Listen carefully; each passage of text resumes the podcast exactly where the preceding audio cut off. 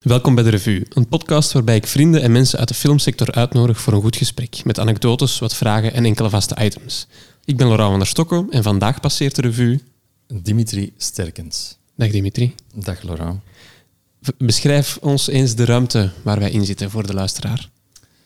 Wij zitten nu in eh, Brussel, meer bepaald nabij het eh, Sint-Katelijnenplein, eh, waar ik eh, op een zeer, in een zeer bevallig appartementje woon, samen met mijn twee roommates. Aan de linkerkant of aan de zuidkant ziet je het, het ene terras in T-vorm dat wij het Tango-terras noemen. Een heel mooi terras, kijkt uit naar op een heel mooi stukje van Brussel. En achter mij, de noordkant, zie je een andere kant van Brussel, het tweede terras. En ja, ik woon hier heel graag. Nu al anderhalf jaar, eh, een jaar drie kwart. En eh, ik heb hier een piano staan, dus ik kijk uit op Brussel terwijl ik eh, zo wat piano speel soms. En we zijn nu, ehm, zitten nu aan de tafel en we zijn pizza aan het bakken. Allee, dus binnen een kwartiertje gaat mijn timer af. Ja. En nu, nu, gaat, nu gaat de luisteraar ook kunnen horen of dat ik hierin knip of niet, door te weten. Zeker, dat zeker. Dus het, ligt, het ligt vast ook. Ja. Ehm, voor zij die u niet kennen, stel u zelf eens voor. Ik ben ehm, Dimitri ehm, Sterkes. Ik ben 31 jaar en één dag oud, want ik was gisteren jarig. Proficiat. Vandaar ook de, eh, de eh, eh, slingertjes die hier hangen. Gelukkige verjaardag voor gisteren, want dat Dank ben ik wel. vergeten. Ja, je zei het vergeten. Ja. dat is oké. dat is oké. Slurpt, Slurpt. slurpt van zijn glas. Ja. Ja, wel ASMR, hè. Ja. Ehm, ik eh, kom uit eh, Turnhout, de parel van de Kempen. Ehm, Discutabel. discu- nee, nee, nee, nee. Het is echt een uitgemaakte kwestie. Het is reeds gedocumenteerd ook al. Het is de parel van de Kempen. De parel van de Kempen en niet herentals. herentals hè. Ik woon hier nu dus al ehm, twee, twee, twee jaar in Brussel. Ehm, maar ik heb op mijn hele leven tijd heb ik eh, 27 keer verhuisd. Eh, heb, ik heb het uitgeteld. Eh, dus ik heb eh, redelijk wat... Ik ben een flexibele mens, ik zal het zo zeggen. Ehm, ik werk momenteel als regisseur, ehm, ook monteur. Doe het alle twee heel graag. Ik vind de regieopdrachten het leukste, maar eh, onder het pseudoniem, zoals ze dat zeggen, Belgian Ginger. Want ik heb eh, toen ik, eh, ik heb op het RITS gezeten.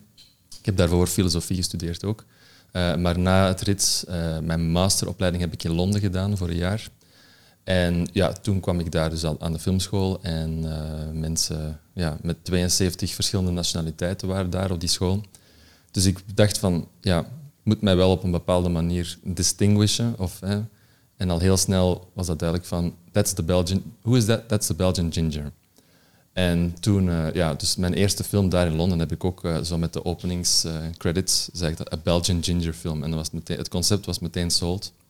Ehm, en dan ben ik dus teruggekomen ehm, naar België en ja, toen heb ik dat eigenlijk gewoon gehouden.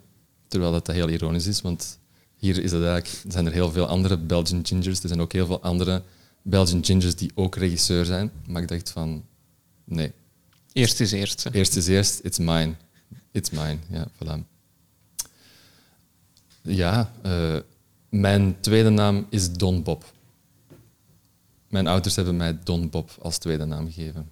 Dimitri Don Bob Sterkes. Dat wilde ik toch nog even Oké. vereeuwigen. Ja. Wat dat completely random gewoon is. Ehm, maar ik dacht nog van, mocht ik ooit hè, een, een Hollywood-carrière of zo doen, dan zou ik mogelijk overschakelen van Belgian Ginger naar Don Bob. Want dat zou keigoed klinken. Have you seen the new Don Bob? Net zoals eh, de Wes Anderson of de Don Bob. Ik, ik zeg doen. Ik Doen, ben verkocht. bak, ja. ja. Voilà. Hoe hebben wij elkaar... Hoe kennen we elkaar? We hebben elkaar- leren kennen. Van waar kennen we elkaar? We hebben nog eh pinten gedronken, hè, eh, Laura, in de, in, aan het Rits. Ehm, ik, wa- ik, was, ik, ik wist dat deze vraag ging komen. Ik was er nog over aan het nadenken van wat mijn allereerste impressie van u was. Oei. Eh, even kaderen, dus ik kwam dan na... ehm, ik heb eerst vier jaar filosofie gestudeerd, dan ben ik eh, afgestudeerd met een thesis over verveling, wat eigenlijk heel ironisch is, want het is niet dat ik mij verveelde of zo, maar ja, ik kon mij niet zo heel hard vinden in het puur theoretische of zo. Ik heb altijd zo wat een beetje praktischer proberen ehm, eh, ja, dingen willen omzetten of, of wat creatiever. Dus zo op het rits beland. Dus daar zat ik dat dan. Ik had een, eh, wel een, een bagage van vier jaar. Maar je belandt daar dus na je, eh, je toelatingsexamen aan het rits in een hele klas vol met mensen van verschillende achtergronden, waaronder ook jij. Eh, jij waart 18 jaar, denk ik, net Ja. van, de, van de schoolbank. Vers. Ja, vers. Vers en puur, vooral. Zeer puur. En ehm, ik weet niet meer wat, wat het eerste moment was of zo dat we elkaar gesproken hebben, maar wat ik wel, eh, mij wel heel, heel duidelijk herinner, is dat ik wist van, oké, jong, maar eh, boordevol energie of zo goesting om het, om het allemaal te ontdekken. En dat vond ik bij, bij u, van de hele groep waar je dan zo in zat, vond ik dat wel heel... ehm, ja, dat viel mij op. En dat was ook heel duidelijk in de films eh, dat je maakte. Eh, eh, want even om te kaderen voor mensen die Laurent van der Stokken niet zo goed kennen. Laurent heeft een zeer grote... Wat is het? Een cinematische fetish voor... ehm, ja, het, is, ik, kan het ook niet zeggen dat het kostuumdrama per se is. Hè. Het is eigenlijk gewoon meer historisch, historische film. Maar dan, waar dat dus in de eerste solo, zoals dat dan heet, de eerste, ja, het eerste film die dat je moest maken op Trits, waar dat dan anderen afkwamen met zo'n verhaal over... hè, Jan gaat naar de bakker en eh daarover gebeurt een moord. Kwam Laurent af met, ik weet even de titel niet meer, was het? La Victoire, eh, La Victoire est à nous. Gewoon een, een, een, een, period piece gewoon van mijn kostuums helemaal uitgestald en helemaal alle toeters en bellen erop en eraan. En Dat, vond, dat, dat, dat maakte echt wel indruk op iedereen. Misschien dat het een verhaal technisch of zo nog zo wat een beetje zoeken was of zo, maar eh, ik denk dat iedereen toen op die eerste, dat eerste solo moment wel wist van oké, dat is niet zomaar een gewone. En, ehm, en dat is ook effectief zo gebleken, want ehm, allee, eh, je bent heel hands-on, of ehm, eh, do it yourself. Een beetje van, ik, maak, ja, ik maak wel mijn eigen decors. Hè. Je hebt mij ook een keer geholpen met zo'n volledige supermarkt decor te bouwen, dat we gewoon in een, ja, waar was dat? In eh, het Elzenhof in, eh, in Brussel gemaakt hebben. Ehm, en je hebt nog de set, de douchecabines voor mijn afstudeerproject Onatan heb je ook nog in elkaar getimmerd. Eh, en, en ik denk dat dat is iets dat we gemeenschappelijk hebben. Niet per se in de zin van dat ik eh, heel... allee, ik, constructiewerk of zo, dat moet je mij niet geven. Ik heb twee linkerhanden. Ehm, maar zowel zo de goesting van...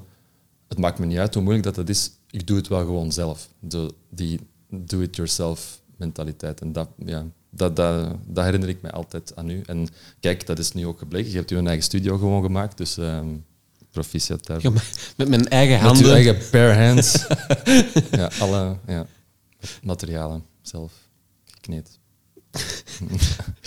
Ehm, we zitten al een beetje in die nostalgische vibe, dus ik stel voor dat wij gewoon naar het eerste Ja. segmentje gaan. Ehm, en wat dat je waarschijnlijk ook gemerkt hebt, is dat ik nog altijd geen jingles heb. Nee, nee. En dat ik je nu ga vragen van een hele hele- spot. heeft dan een heel uitzet met een jingle. Daar, daar is er geen budget voor.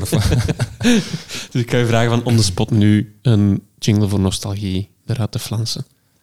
Ik heb een idee en ik denk dat het leuk is om eh, twee eh, auditief prikkelende dingen samen te, te doen.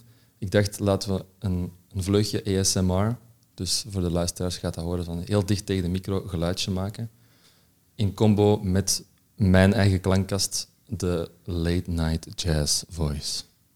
Oké, ik ben er helemaal klaar voor. Hier gaan we, dus dit, hier komt het aan.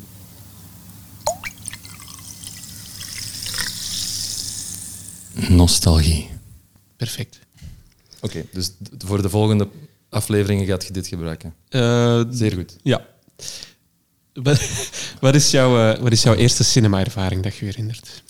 De aller, allereerste cinema-ervaring, ehm, ja, het is met vlaagjes natuurlijk, maar ik denk dat dat de Aristokatten was. eh, dat ik met mijn ouders eh, ben gaan kijken in eh, het Cursaal in Turnhout. Dat is eh, een- de oude cinemazaal, die bestaat nu niet meer. Eh, ja, maar dat zijn ook maar gewoon zo kleine vlaagjes eigenlijk. ehm. de, maar de, dat was zo'n beetje de, Disney-fase. Ja, je bent een kind natuurlijk, hè, zo, zo leert je dat mee doen. Uh, maar de eerste cinema-ervaring is dan de Aristokatten. Maar dan is er nog een veel andere um, Sneeuwwitje. Die hadden wij op, uh, op band, VHS. En um, ik was thuis, was ik ja, een, een, klein kindje van, I don't know, twee, twee, misschien drie jaar of zo. En ik wist hoe dat al die apparaatjes werkten, hoe dat die afstandsbedieningen werkten. En mijn ouders die wisten dat niet. Of die, of die lieten mij dat altijd doen, dat zou ook uh, kunnen. Ah, voilà, we moeten gaan meteen onderbreken voor de pizza. Very good. Voilà, dus de pizza staat ondertussen op de, de tafel.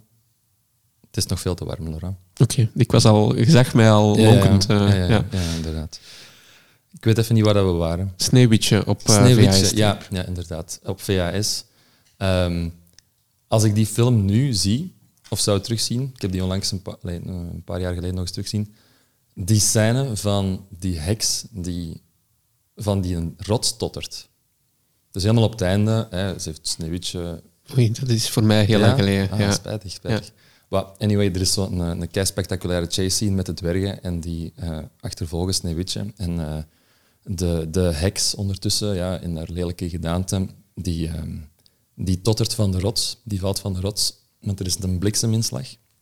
En um, ik weet niet, die hele scène heeft zo een, een, een uh, zo'n sterke opbouw, ook in muziek. En uh, ja, dat davert nog altijd als ik daar naar, daaraan denk. Ja. Dus een, een, aanrader ook als rewatch voor de luisteraar? Zeker, absoluut. Ook interessant dat zo van die Disney-films, dat die eigenlijk vaak nog niet eens een uur duren. Je maakt echt wel een, een grote emotionele boog. Hè, en je vertelt een volledig verhaal, volledige drie-act-structuur eigenlijk. Maar in minder dan 60, 60 minuten. Wat dat nu eigenlijk compleet ondenkbaar is, in een tijd waar het uh, je ocharme 2,5 uur bijna bijna nodig hebt om dat te doen. Dus um, ja, dat vond ik wel cool. Dat vond ik wel cool, ja. Oké, okay. en dan uh, heb je een specifieke cinema-ervaring die u volledig is bijgebleven? Dus wat is zo de eerste bewuste film dat je gezien hebt, misschien? Een bewuste film? Dan ja. ga ik even op mijn speakbriefje kijken. Dat hier, um... Ik was vroeger heel grote fan van um, Austin Powers. Kent Mhm. je dat? Ja. Austin Powers, the, the Man of Mystery. Wat dat een compleet uh, oversexte um, figuur was, die een spion... Eigenlijk, eigenlijk is het een soort um, allusie op de, op de James Bond uh, eh, films, hè, met The Spy uh, of uh, Queen's Majesty's Secret Service. Maar dat is de, ja, ik, weet, ik weet ook al niet meer zo heel goed of zo. Maar um, zeer grote fan van. En ja, ik had daar zo van die poppetjes van. En, ik, deed die na. En, er zijn wel veel karakters in, in van films of zo die ik zo vroeger gewoon nadeed. Of ik verkleedde mij. Zoals The Mask met Jim Carrey of zo ook weer een compleet geflipt. Ik denk dat ik een, een, een stoornis of zo had. Ik weet het niet, van dat, dat, soort personages, zo excentrieke personages, mij zo, mij zo aantrokken. Um, maar ja, dus ik denk dat dat waren wel echt heel leuke dingen. En dat heeft mijn, mijn moeder heeft dat dan natuurlijk ook allemaal op film dat ik die nadoe. Dus dat, dat, dat is niet zomaar verdwenen. Dat is gerecord. Ja. Zit daar een, een hint van uh, regret dat dat nog bestaat op film? Of, uh... Ik durf er gewoon niet naar kijken. Okay. ik durf er gewoon niet naar kijken. Misschien moet ik voor de socials van de podcast ja, een kleine ja. snippet opvragen. Ja, Zo. Zet je bevriend met mijn moeder? Op Facebook of op Instagram? Uh, dat, dat, denk ik niet. Mm, okay. Maar alles valt te regelen. Hè? Ja, ja ik, zal het, uh, ik, zal het, ik zal ze uw hashtag of uw, uw, uh, uw apenstaartje doorsturen. Um, weet je nog het moment waarop dat je besefte van... Ah ja, er zijn effectief mensen die dit maken? Of, uh... Ja, eigenlijk wel. Want um, dus ik, heb, um, ik had daarvoor al gezegd, ik heb in Singapore gewoond vroeger. ik was vijf, vijf jaar oud of zes jaar oud toen we vertrokken. Want mijn vader die moest veel uh, reizen, die werkte voor Philips. En, maar ook in Singapore moest hij heel veel reizen, dus die, die kwam dan vaak terug met een cadeautje. En uh, ja, die moest veel reizen naar, oftewel naar Thailand of naar, naar China. Dus wat hij altijd meebracht, die bracht zo James Bond films mee. Maar ze op, op, niet op DVD, op VCD. Weet je nog wat dat VCD is? Dat is eigenlijk de cheap Chinese rip-off met een lagere kwaliteit. Ehm, al, die, al die films waren ook in het Chinees ondertiteld of zo. Dus ik, ik wist helemaal niet wat dat die... Ik keek die films, hè. En ik was daar grote fan van. Van James Bond en zo. Maar ik wist helemaal niet waar dat, dat over ging. Of zo. Dus nu, als ik die films nu terugkijk, dan valt mij van, ah, dat is daarom. Want, want dat waren de Russen inderdaad met die onderzeeër. En, en, dus dat kon ik toen allemaal niet plaatsen. Maar dat was eigenlijk, ehm, toen was ik denk zeven of acht jaar. En dan heb ik eens een, ehm, voor een spreekbeurt moest ik uh, uh, ja, iets, een, iets voorbrengen, een, voorbrengen, of een werkstuk, een werkstuk heette dat, over film dus. En dus dan ging ik uh, heel dat James Bond, dat was dat ging door één specifieke film, um, even nadenken, The Man with the Golden Gun. Dat speelt zich ook af aan het Phuket-eiland. En ze hebben een eilandje in Phuket, daar zo een paar scènes gefilmd. Daar ben ik dan natuurlijk ook naartoe gegaan, want ik was fan, hè, weet je wel. Um, en dus daar heb ik dan een, een soort spreekbeurt over, over gemaakt. En de, ze hebben dus een, de openingsscène is dus ja, iemand, een personage, ik weet niet meer wie, en die, die gaat zo door een soort spiegeltent. Uh, het is op, op um, hij, wordt, hij wordt achterna gezeten door iemand, dus, maar hij ziet de hele tijd spiegels, hij ziet de hele tijd zichzelf. En zo dat ik en mijn mama dan hadden gedaan, want we hadden dan een, een videorecorder waar we dan films of uh, video's naar ons momoe stuurden, is dat we die, die film, uh, dus met de, met de camera, de film hadden gefilmd en dan hadden we mij er zo tussen gemonteerd, zodat ik ook zo een personage was. En dat was dan, ja, dat, dat bracht ik dan voor als een deel van het werkstuk. Met dan de specifieke uitleg van, hey, een film heeft 24 fotootjes per seconde. En uh, ik denk dat toen, toen uh, het was niet van dat dat toen mijn ambitie was of zo, maar toen wist ik er wel meer van en toen kent, ja, ja, voilà. En wanneer is die klik dan bij u gekomen van dat is iets waar ik ook in voort wil? Is dat al vroeg ontstaan? En want, omdat je zegt met je mama dat je dan al ah, een soort montages maakte, is dat daar een eerste hint van, denk je? Of, uh?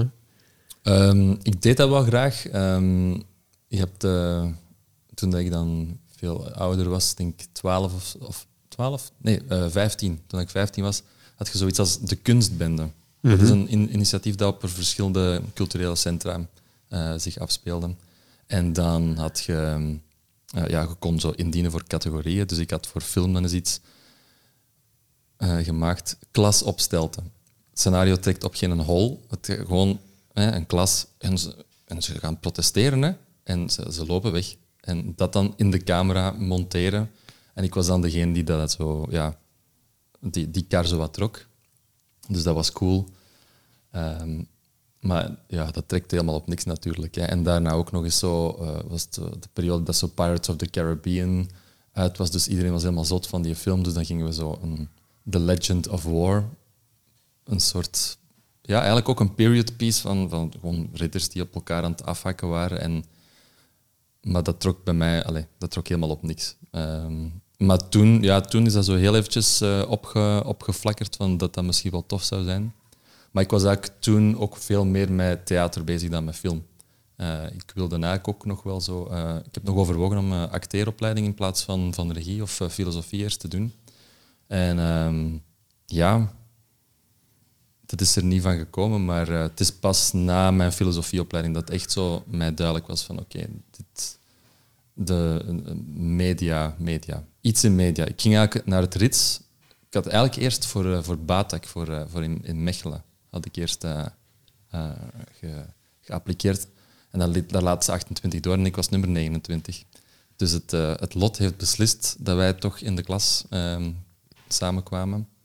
En ik weet nog van die eerste keer aankomen op het Rits van, ja, ik, ik wist daar eigenlijk echt niet zoveel van. Er waren veel meer mensen, ik denk zoals jij, die eigenlijk toch wel meer theoretische bagage misschien hadden. Van, van eh, hoe, hoe, dat, dat, film in elkaar zit, wat, wat de rollen in film waren en zo. Dus, uh, en in die eerste week krijg je dan zo'n crash course. En, dat is, en toen is mijn, mijn, mijn, mijn visie volledig opengegaan. Van, en dat was het ook niet van, ik wil tv doen, nee, ik wil echt film. Film wil ik doen. Ja, ik had ergens de indruk dat je, dat toen, als jij startte, ik had de indruk bij mezelf dat ik heel hard vanuit dat technische ergens kwam. En, uh, ik wil een regisseur zijn en zo nog niet volledig vatten dat verhaal dan de essentie is. Ja, en ja, ja. heb ik uh, uiterlijk vertoon dan primair stellen. Ik had de indruk bij u, door, door uw bagage dan, dat het, dat, dat al meer gefixeerd was op verhaal. Misschien deels dan omdat die de, de know-how van, ah ja, dat zijn de functies en dat zijn, voilà, dat dat minder prioritair was en dat daar door uw focus initieel correcter lag of zo. Of, of zie ik dat verkeerd? Nee, ik denk dat dat sowieso wel uh, klopt en dat dat inderdaad met die achtergrond binnen filosofie is, terwijl ik dan op het moment zelf niet zo zag of zo. Um, en dat ik daar misschien juist eerder van, van weg wilde blijven, van nee, ik wil gewoon iets totaal anders doen. Maar in retrospect ik, hoor dat van verschillende mensen als ze, als ze een, een kort film of zo van mij zien van, ah ja, je, je ziet dat er wel aan, van, van dat, je dat, dat je die achtergrond hebt. En um, ja, ik denk voor, voor alles binnen, binnen eender welke film dat je maakt, is van het verhaal primeert, of het, het, begint bij het concept, bij het idee, en hoe dat je dat uitwerkt. Want je kunt dat op ongelooflijk veel verschillende manieren uitwerken, uh, maar het moet passen bij je idee. En ik denk dat toen met die eerste ja, solos of zo ook al, van dat ik dan ook wel een, uh, ja, daar al wel gewoon inderdaad mee bezig was. Ja. Als ik even terugkeer naar, uh, naar 15-jarige Dimitri, die uh, oh naar Austin Powers gaat kijken. wat, wat, is de quote weer? Groovy baby? Of ik weet het niet, het is zoiets. zwart. Ja, yeah, baby, ja. Yeah. um, Wat, was film voor u toen en wat is film voor u nu? Hoe is die, wat is die een boog? Oh, wauw. Wat een vraag, dat ik niet verwacht. Ehm, ik denk op de twee maar, ehm, verschillende momenten, dus 15 en nu, het is niet mijn leven. Ik heb mensen die echt zeggen van, wow, film is echt mijn leven, ik ga er alles voor doen, weet ik veel wat. Maar dat, bij mij is dat niet zozeer het geval. geval. Bij mij is dat momenteel nu, op, op dit moment, de het medium of het, eh, het format waar ik mijn, mijn eigen kwijt kan. Maar ik heb altijd gezegd, en dat klinkt, dat klinkt pretentieus, want ik zie mezelf zo niet of zo, maar ik ben in eerste, in eerste ehm, plaats uh, filosoof, in tweede plaats pas filmmaker. Dus het is niet filmmaker, filosoof, het is filosoof, filmmaker. Um, ik praktiseer niet, ik ben geen filosoof, ik praktiseer niet, ik schrijf geen boeken of weet ik veel wat. Maar ik denk dat dat is eerder om aan te duiden van Ehm, dat ik mij niet wil reduceren tot gewoon, tot gewoon film. Uh, en dat ik ook wel graag andere dingen nog doe. Sorry, ik ben even heel afgeleid door Franco die heel laat is aan het drinken. Ja, inderdaad, inderdaad. Het was echt een... De podcasthond drinkt van het schaaltje water dat uh, van mijn katten eigenlijk is. ja. Um, sorry. Die zijn buiten gebonjourd. Ik heb uh, de glimlach op mijn gezicht heeft u het betoog onderbroken. Maar dus in de eerste plaats filosoof, ja. tweede plaats... In, gewoon in de eerste... Ja, en, en uh, dat ik er gewoon wel ook naar uitkijk om dat gradueel in mijn leven nog te ontdekken van welke andere stijlen of andere dingen die tot mij spreken, ja, dat aan te gaan. Zou je dan omschrijven als maker? Ja, dat is zoiets tegenwoordig. Hè. Maar ik weet, ik weet ja, in, in theorie ben ik dat, dat dan inderdaad. Maar wat is dan de, de, de draagwijdte daarvan? Dat weet ik dan ook niet. Maar laten we het inderdaad vaag omschrijven. Dat is vaak het, eh, het gemakkelijkste. Ook in filosofie, om het gewoon lekker vaag te houden. Ja. We zijn toch de generatie van de, wat is het, de slash-functie. De slash-functie? Ja. Wat is dat? Ik ben regisseur ah, slash podcastmaker. In, mijn, in mijn e-mail uh, staat er onderaan ook uh, director, writer en editor based in Brussels. Ja.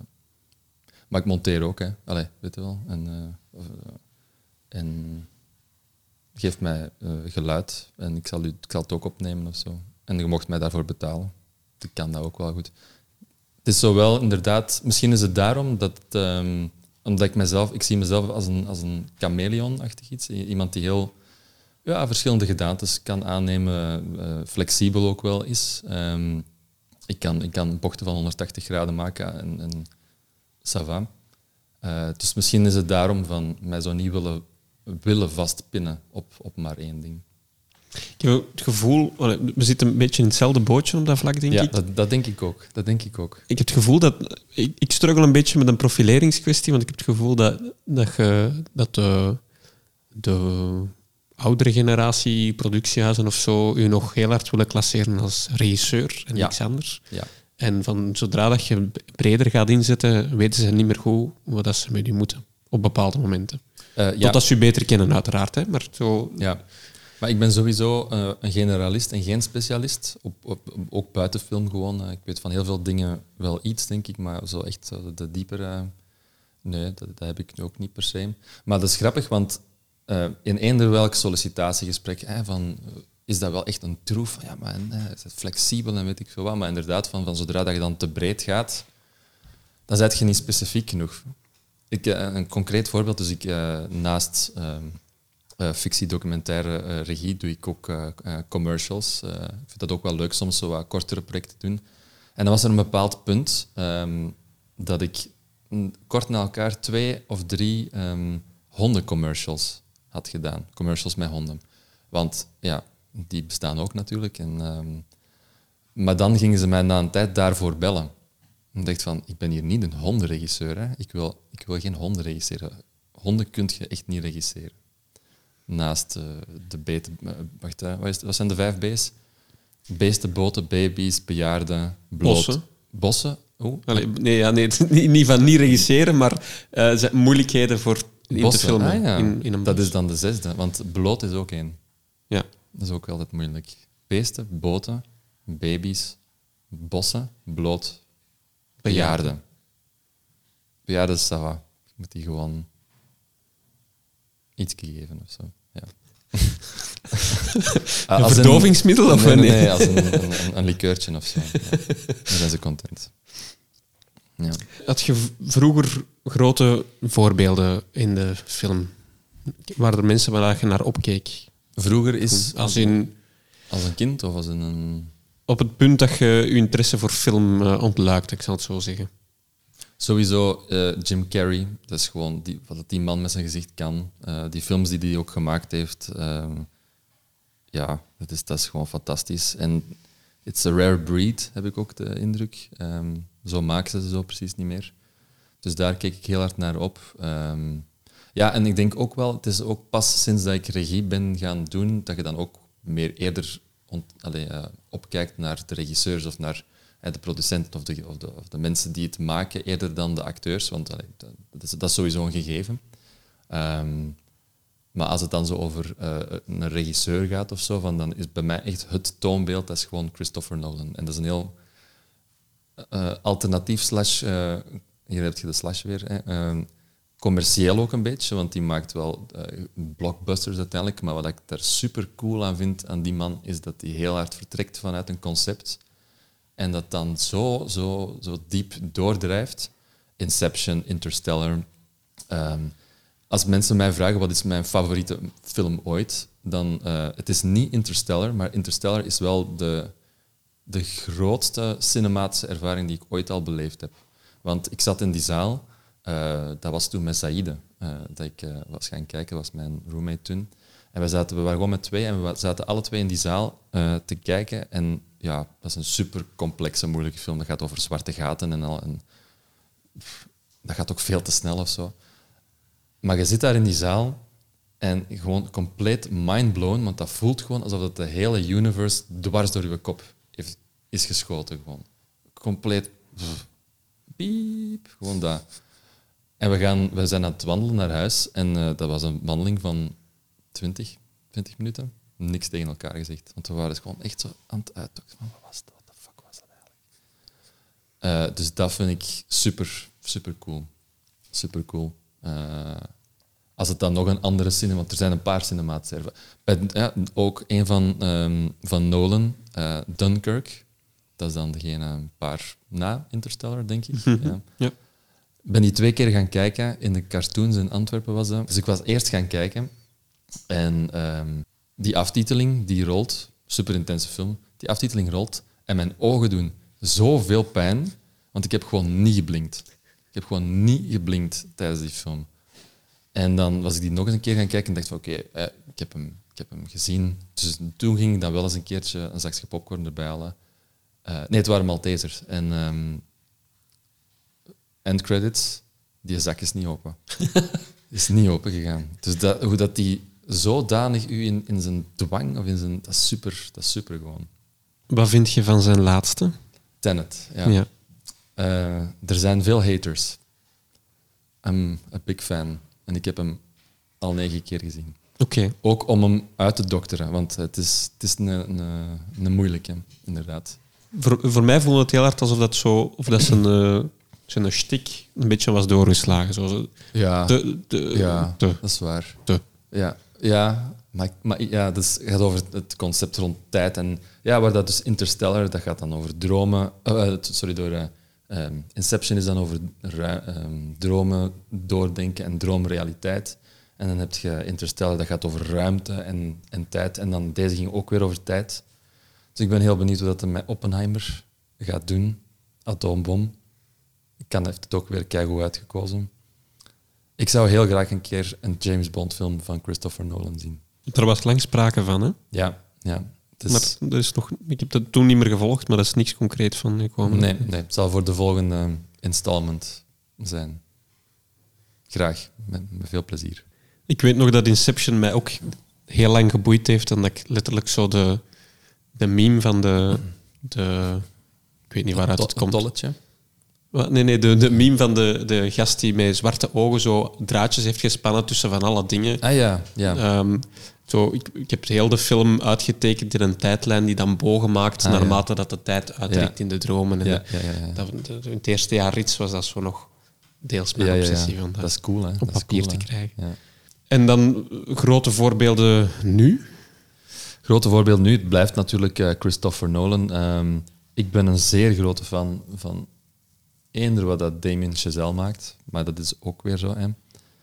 Um, bij, ja, ook bij La La Land had je haters, maar zeker die Whiplash. En uh, heeft nu een serie uit, uh, de, de Eddie. Gaat ook weer zo over zijn liefde voor jazz. Um, en dan heb ik ook nog... Um, maar ik denk bij, bij, La La Land, uh, waarom dat mij dat zo, zo, zo hard trof, was dat omdat dat, dat is pas zo'n film die op de juiste moment op de juiste plaats voor mij.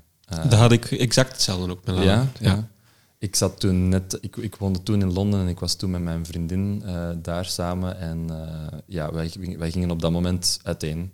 En maar we, dat waren zo nog de laatste dingen die dat we nog gingen doen, zo naar de film kijken en zo. En um, ja, en er is dan zo een scène.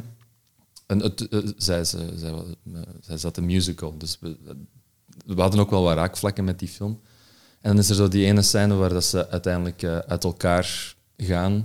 En dan heb je zo een, uh, een mime, een, een mime-stukje, waarbij dat je zo ziet van dat hij dan alsnog wel voor haar aan het routen is en zo. En, en, ja, dat kwam keihard binnen bij mij. Is echt uh, tranen met tuiten wenen. Maar ik vond het een heel mooie film. En wat ik, wat ik dacht, dat, de film ging eindigen, want je hebt helemaal op het einde heb je zo een... Um, een carouselletje van, van alles wat er uh, uh, dan gebeurd was. En dan dacht ik van, ah, oh, dat is kei nice dat, dat de hele film, wat je eigenlijk de hele tijd hebt gezien, dat dat niet het verhaal is dat gebeurd is, maar dat het gewoon het carouselletje is geweest. Maar dan in die end is het dus toch niet. Dus dat was een dubbele ja, heartbreak, kind of. Maar wel super mooie, super mooie film. Dus dat is dan Damien Chazelle. En, mm -hmm. um, maar je hebt ook uh, Adam McKay, ook. Die heeft die Don't Look Up uh, nu gemaakt. En die heeft ook The Big Short gemaakt. En dat, zijn dan zo, dat gaat dan eerder over de sociopolitieke thema's of zo, die dat ik heel cool vind. Uh, hoe, dat, hoe dat die die uitwerkt. Maar ook heel snappy, heel modern. Zeker, Allee, zeker. Um, en intellectueel uitdagend ook. Hè. Je moet echt erbij blijven. Don't Look Up was dan al ietsje toegankelijker, maar zo die Big Short of zo, dat is ja, huizenmarkt. Uh, maar ja, van, uh, ik, vond, ik vond die Don't, Don't Look Up ook heel goed. Gewoon hoe dat, dat de draak spreekt, dat is eigenlijk gewoon de, de satire van, van deze tijd. Gewoon hoe dat het in elkaar zit en hoe dat eigenlijk gewoon zo compleet doorgedraaid, geflipt is. En dat we er geen vat op hebben. Dat is zo angstaanjagend. Wat is de laatste film die je zag, Dimitri? Aha, aha. Ik wilde, Laura, echt heel graag kunnen zeggen dat het Everything Everywhere... Nee, wat was het? Uh, Everything Everywhere All at Once van de nieuwe film van A24 was. Maar die is pas gisteren uitgekomen en het is mij niet gelukt. Maar ik heb eergisteren heb ik uh, Le, Môme gezien. En dat is eigenlijk uh, La Vie en Rose, maar dus van Edith Piaf, de, de biopic van Edith Piaf. Met mijn roommates, want mijn roommate Vrouwken is daar grote fan van. Marion Cotillard speelt Edith Piaf, heeft haar haar daarvoor helemaal afgeschoren, heeft daar Oscar voor gewonnen en het is echt super straf. Ik wist, daar, ik wist dat ook helemaal niet, ik kende dat verhaal niet. Die muziek kende ik wel. Uh, ja. En dat vind ik... Uh, maar ik denk dat dat zijn ook films die mij gewoon super hard aanspreken, worden dat er muziek in komt. Het hoeft niet per, se musical te zijn, maar... Um, dat brengt zo, ja, dat, brengt zo, dat zijn zo'n mooie verhalen van waar dat die liederen van komen, waar dat die emoties zo bij zitten. Ja, heel hard van genoten. Jij? De, uh, ik ga eerst even inpikken op uh, ah, ja, Everything... Everything, Everywhere, All, all at, once. Want die werd mij recent ook aangeraden. Um, Blijkbaar is het The Matrix on dildo's. of steroids, uh, zoiets. Van, ja. ja. Een indie film ook. Want hij is al uit in Nederland. Ja. En dat brengt me een beetje op het feit van... Waarom in deze tijd van... Alles wordt parallel gereleased op Mhm, mhm. op uh, streamingdiensten en cinema enzovoorts, zit je dan wel nog met buurlanden die nog maar met twee uur rij zijn. Ja, ja dat klopt. Die dan toch maanden uit elkaar dingen releasen. Ik weet niet of dat je er zelf al uh, een frustratie over had, maar die kwam... Ja, frustratie sowieso, maar ja, uh, er bestaat zoiets, dat heet VPN. En dan kun je gewoon eigenlijk ja, een IP-adres een beetje faken, dat je gewoon van andere territories wel kunt kijken. Maar ja, we hebben al zo'n struggelende bioscoop. Ja, dat is waar. Dat is klimaat. waar. Dat is waar ja. ik, probeer het, ik probeer het liefst van al in de, in de cinema natuurlijk te gaan kijken. Uh, ik vermoed dat dat wel... Het zal wel iets met copyright-toestanden te maken hebben of zo, hè? Ja, vast. Of contracten of, met, bepaalde, ja, of, met distributie. Distributieplannen, inderdaad. Um, dat ze misschien toch die... Um, ja, al, al, al volgeprogrammeerd zijn dan. Ja, ik weet het niet. Ik weet het niet. Dat is ook zo een, een, een luik van het filmmaken, zo het strategische. Het interesseert me wel, maar ik weet er op dit moment zo nog niet, nog niet genoeg van. Bij mij is het voorlopig ook bij de frustratie gebleven. Mm, ik heb het ook niet verder uitgepuurd. Dat is altijd leuk, hè? zo blijven fitten, maar er zo niks van weten. Zo zijn we dan wel. Ik ben even moeten gaan spieken wat mijn laatste film was die ik heb gezien. En dat is um, The Assassination of Jesse James by the, by the Coward Robert Ford. Amai, dat is een mondje vol. Ja. Dat is een goede titel. En ik weet zelfs al niet meer wie hem geregisseerd heeft. Dat is wel gênant, hè. Uh, mm. Andrew Dominic heeft hem geregisseerd. Maar ik had hem gezien omdat hem... Um, als je, de DOP is uh, Roger Deakins. Ja, grote. Ja, zeker wel. Um, en het werd mij aangeraden omdat het is een, uh, een, histo ja, een historisch drama. Ik weet niet of mhm. ik het zo zou... Het is een historisch... Gebaseerd op waar gebeurde feiten, ja. historisch. En, uh, maar het brengt, tegelijkertijd er toch een heel moderne kijk op en een heel persoonlijke kijk. Zonder dat het mm. herhalen van feiten wordt, maar toch het zoomt wel echt in op die, ja. de psychologie van en, uh, hoe dat allemaal is gebeurd. Um, ben ik aan het kijken voor een project waar ik aan het schrijven ben. Um, maar ja, ik vond het heel, uh, heel boeiend verhaal. Zo, de, de western tint zit er heel hard in, maar toch mm. tegelijkertijd heel hard spelen met, um, met beelden, met muziek en de sfeer creëren. de muziek is ook geschreven door Nick Cave, wat ja, ik dan plots dat is Sowieso, dat is sowieso goed dan. Hè? Um, en ik, ik heb tijdens de lockdown uh, Red Dead Redemption ah, ja, 2 gespeeld. Ja, ja, en merk nu dat heel die esthetiek daarvan een kopie is van ah, die film. Ah, en is het dan een... Um, een, een visu eh, is het een visuele film of is het hoofdzakelijk dialoog gedreven? Het is vrij visueel in dat opzicht dat we ook soms echt de tijd pakken om de, de wilde natuur te zien met een beetje Nick Cave eronder. En zo de. Het is niet dat we uh, Tarantino gewijs nee, nee, nee, ja. oké, ja, ja, ja, aan de lippen hangen. Van. Ja. ja, dat is wel leuk ook aan, aan, aan dat genre inderdaad. Hè. Ik heb ooit een, uh, afgelopen maand, nee, nee, uh, afgelopen half jaar ook eens een, zo een spaghetti-western in de cinematheek gaan kijken. En dat was zodanig gewelddadig tegenover vrouwen. Ik weet even niet meer dat het heette, maar ik was echt gedegoteerd. En ik had, ik had eigenlijk moeten opstaan en moeten weggaan. Want dat kon de, maar het is wel een film van toen hè, of zo. Dus, ik was ook wel gefascineerd van hoe kan dat, dat, dat, dat, ja, je kijkt soms ja, gewoon met de bril van het heden naar het verleden. En soms, zeker ook wanneer je dan oude films van, van, eh, van vroeger of zo kijkt, van hoezo kon dat door de beugel in, in een film? En, uh, ja. Maar zo, zo, censureren vind ik dan ook weer niet goed, want dan, ja. ja dat is een, allez, een beetje is een moeilijke discussie, hè? maar ik ben zelf ook van de mening van liever dat het getoond wordt met kadering, kadering dan ja. dat we het gaan, ja. allee, dat we gaan doen alsof het nooit gebeurd is. Ja. Nee, nee, inderdaad. Ik denk dat het ook uh, hetzelfde met, met, met muziek en ook um, hoe, heet, hoe heet onze vriend? Allee, niet onze vriend. Kevin Spacey daar. Um, goeie acteur, hè. Uh, en uh, wat dat hem gedaan heeft, is allemaal niet goed. Maar inderdaad, ka kadreren. Ja, dat lijkt me het belangrijkste. Ja. Maar het is een aangaande discussie en ik denk dat we er... Ja, en het is ook, een, ja, het is ook iets dat nog in omloop is. Of dat ze ook nog niet... Misschien dat we er als maatschappij ooit wel aan uitgeraken van wat, dat we dat, alleen, wat dat dan de juiste uh, oplossing daarvoor is, als er al een oplossing is. Ik ben recent in Cinematheek de King Kong van uh, ah, ja. jaren 30 gaan zien. Ja, ja. ja en start uiteraard ook met de man die letterlijk een vrouw van de straat scharrelt, scharrelt en meesleurt. En, ja, zijn weg, en dat is oké. Okay. Ja. Oh, het blijft wel een, een belangrijke sleutelfilm in de filmgeschiedenis. Ja, ja, ja en, en dat weghalen, dat zou... Ja, dat is jammer ook, hè, maar... Um, ja. Kadering. Kadering, kadering, context. We hebben het al over het rits gehad, um, ja. maar uh, vertel ons uh, nog eens, komende uit filosofie... Of wil misschien wilt je nog iets over je opleiding filosofie vertellen, dat u, wat dat u nu nog mm. beïnvloedt, of hoe dat je dat nog meedraagt? Of... Ik ga ondertussen ook al een stukje pizza nemen, want ja, ik was een beetje op uw initiatief aan het ja, wachten. Ah, maar... zo, ja. Waar gaat filosofie over? Het gaat over, um, over verwondering.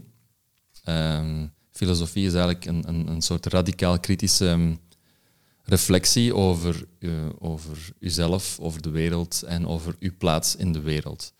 En uh, er, zijn geen, er zijn geen antwoorden. Ik weet nog heel goed, de eerste keer dat ik daar uh, in de aula zat, bij de filosofie dan, dat was allereerst dat ze tegen ons zeiden van als je hier bent voor antwoorden, dan kun je nu weggaan, want er zijn alleen maar meer vragen die komen. Er zijn effectief een paar mensen op het einde van, het, van de eerste twee weken weggegaan, want dat was niet wat ze hadden, hadden verwacht. En dat vind ik, ja, dat vind ik, um, dat draag ik nog altijd gewoon mee, van hoe dat je uh, in discussies ja, moet proberen afstand soms te nemen en moet proberen te begrijpen van wat een ander aan het, uh, aan het zeggen is en waarom dat hij dat zegt. En nu ben ik heel hard afgeleid door uw ASMR. Pizza ASMR. Maar dat is wel goed, het is wel it's pleasing. Um, het grootste deel dat ik dus bij filosofie heb geleerd is um, in een zekere zin ook relativeren. En dat is zowel mijn sterkte als mijn grote zwakte. Want je kunt eigenlijk na een tijd heel veel beginnen relativeren. Het thema waar ik ook het meeste binnen filosofie mee bezig was, was um, existentialisme. En ja, dat is gewoon de gateway naar depressie, up, naar uh, wat is de reden van mijn bestaan, wat doet het er eigenlijk allemaal nog toe. En dat was wel, uh, dus ik heb afgestudeerd met um, een thesis over verveling, verveling met Heidegger de grondlegger van het Duitse existentialisme. En uh, die thesis was gedaan, was heel goed. En ik ging aan een nieuw hoofdstuk beginnen aan, aan filosofie. Maar ik voelde nog wel dat toen ik aan het rits aankwam, dat zat echt nog in mijn lijf. Nog een paar jaar eigenlijk, um, dat ik dat zo heb doorgebracht. En toen, en nu, dat, dat haakt eigenlijk heel mooi aan op uh, wat er op rits gebeurd is, de eerste les van uh, filmgeschiedenis, Jan Pieter Everaerts, de JPEG. De JPEG, ja, inderdaad. Die stelde de vraag, um, dus iedereen kwam, dat was de aula, aula 1 of aula, weet ik veel, uh, 82 man vol. En dat waren allemaal mensen. Ja. En die vroeg dan, neem een blad papier en hier is de vraag, waarom gaat jij film maken binnen een tijdperk, een periode waarin dat vol sociale onrust is, vol oorlog, um, economische crisis, weet ik veel wat. En waarom ga jij nu film maken? Er zijn veel andere domeinen waar je iets op kunt doen. En die vraag heeft mij tot op de dag van vandaag... Ik heb de antwoord niet. En ik heb, ik heb het daar wel moeilijk mee, dat ik dat zo niet unisono kan zeggen. Er zijn al verschillende antwoorden geweest. Van ah, kunst, kunst is belangrijk in het leven en daarom, daarom doe ik dat. Andere kant is van nee, ik ga mijn, ik ga mijn film en mijn kunst inzetten voor het, eh, um, voor het hogere. de hond met de brokjes. Um, voor het hogere doel. En um, ja, ik denk dat dat ook is hetgeen wat dat nu op deze moment van hetgeen wat dat ik nu, allee, hier allee, nu wil maken. Ja, dat is nog altijd een, een, een reële vraag van binnen bijvoorbeeld nu, in deze context, uh, we zitten in een post-truth eh, tijdperk met, met die oorlog na, na de COVID en zo. Wat zijn nu relevante verhalen waar we nu een, een, een bijdrage aan kunnen leveren voor de maatschappij? Ik denk dat dat voor mij het belangrijkste is. En dat zit ook wel heel vaak in de thema's over de films die dat ik maak. Die gaan, hebben wel een sociaal-politieke inslag. En ik denk dat dat allemaal zo wat gelinkt is en begonnen is bij die filosofie. En dan, uh, ja, voilà. Weet je nog wat je toen geantwoord hebt op, de, op uh, Jan-Pieter Everhard zijn vraag? Dat zal zo'n leem antwoord geweest zijn, hè, zoals iedereen had gedaan.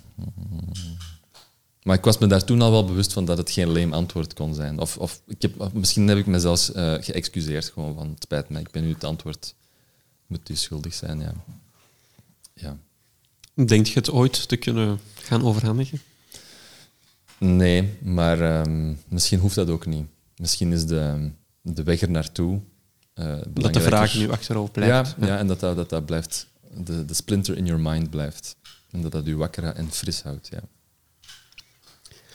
Oké, okay, dus uh, Gedesillusioneerd. Amai, het lukt me niet. Gedesillusioneerde en de, gedeprimeerde Dimitri komt uh, het rits binnengewandeld. Maar dan wel natuurlijk, hè, uh, frisse nieuwe omgeving, leuke nieuwe mensen allemaal, geleerd iets nieuws, een nieuw vak, een nieuw métier. En ja, was heel fijn. En ja, um, de vakken op zich ja, er, de ene was al wat beter of wat leuker dan de andere natuurlijk. Ik vond dan de...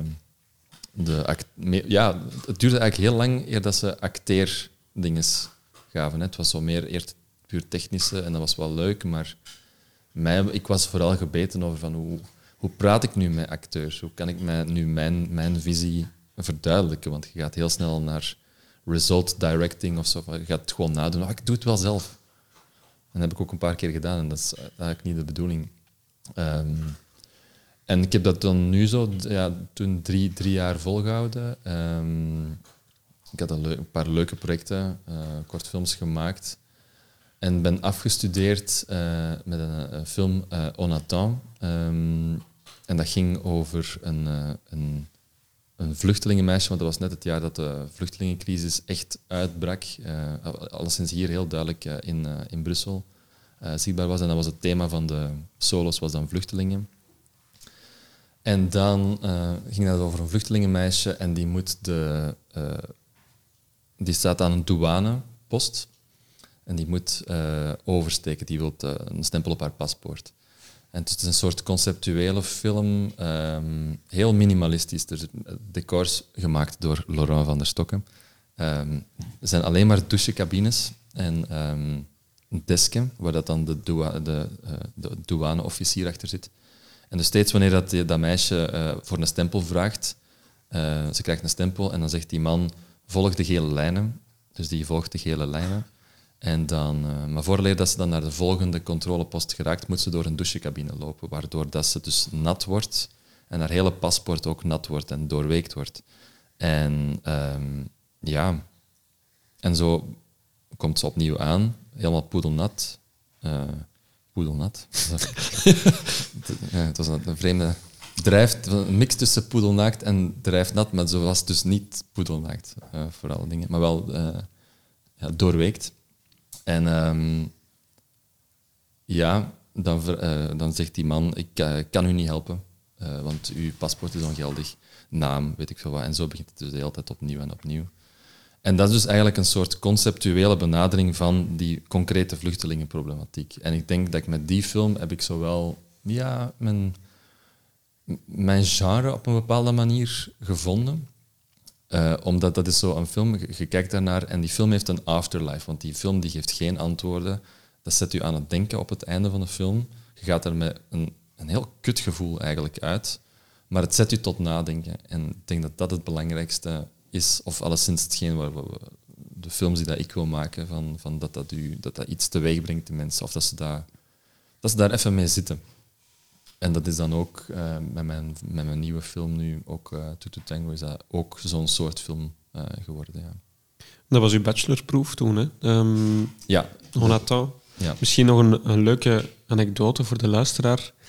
Ik weet dat als je met de vraag voor de douchecabines naar bij mij kwam, ah, ja, oh, dat we um, hout zijn gaan halen ergens oh, ja. richting Turnhout. Ja, ja, Turnhout. Ja, En dat was toen nog met een eerste camionetje met dakdrager.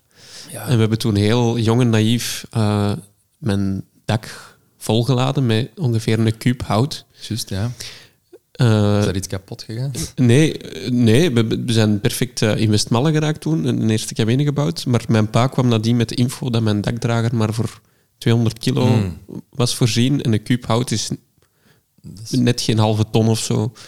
Dus uh, we hebben jong en naïef met een lege kabinet met een halve ton aan hout op het dak van toen naar, uh, naar Malle gereden. Dat zijn de, dat zijn de goede anekdotes, inderdaad.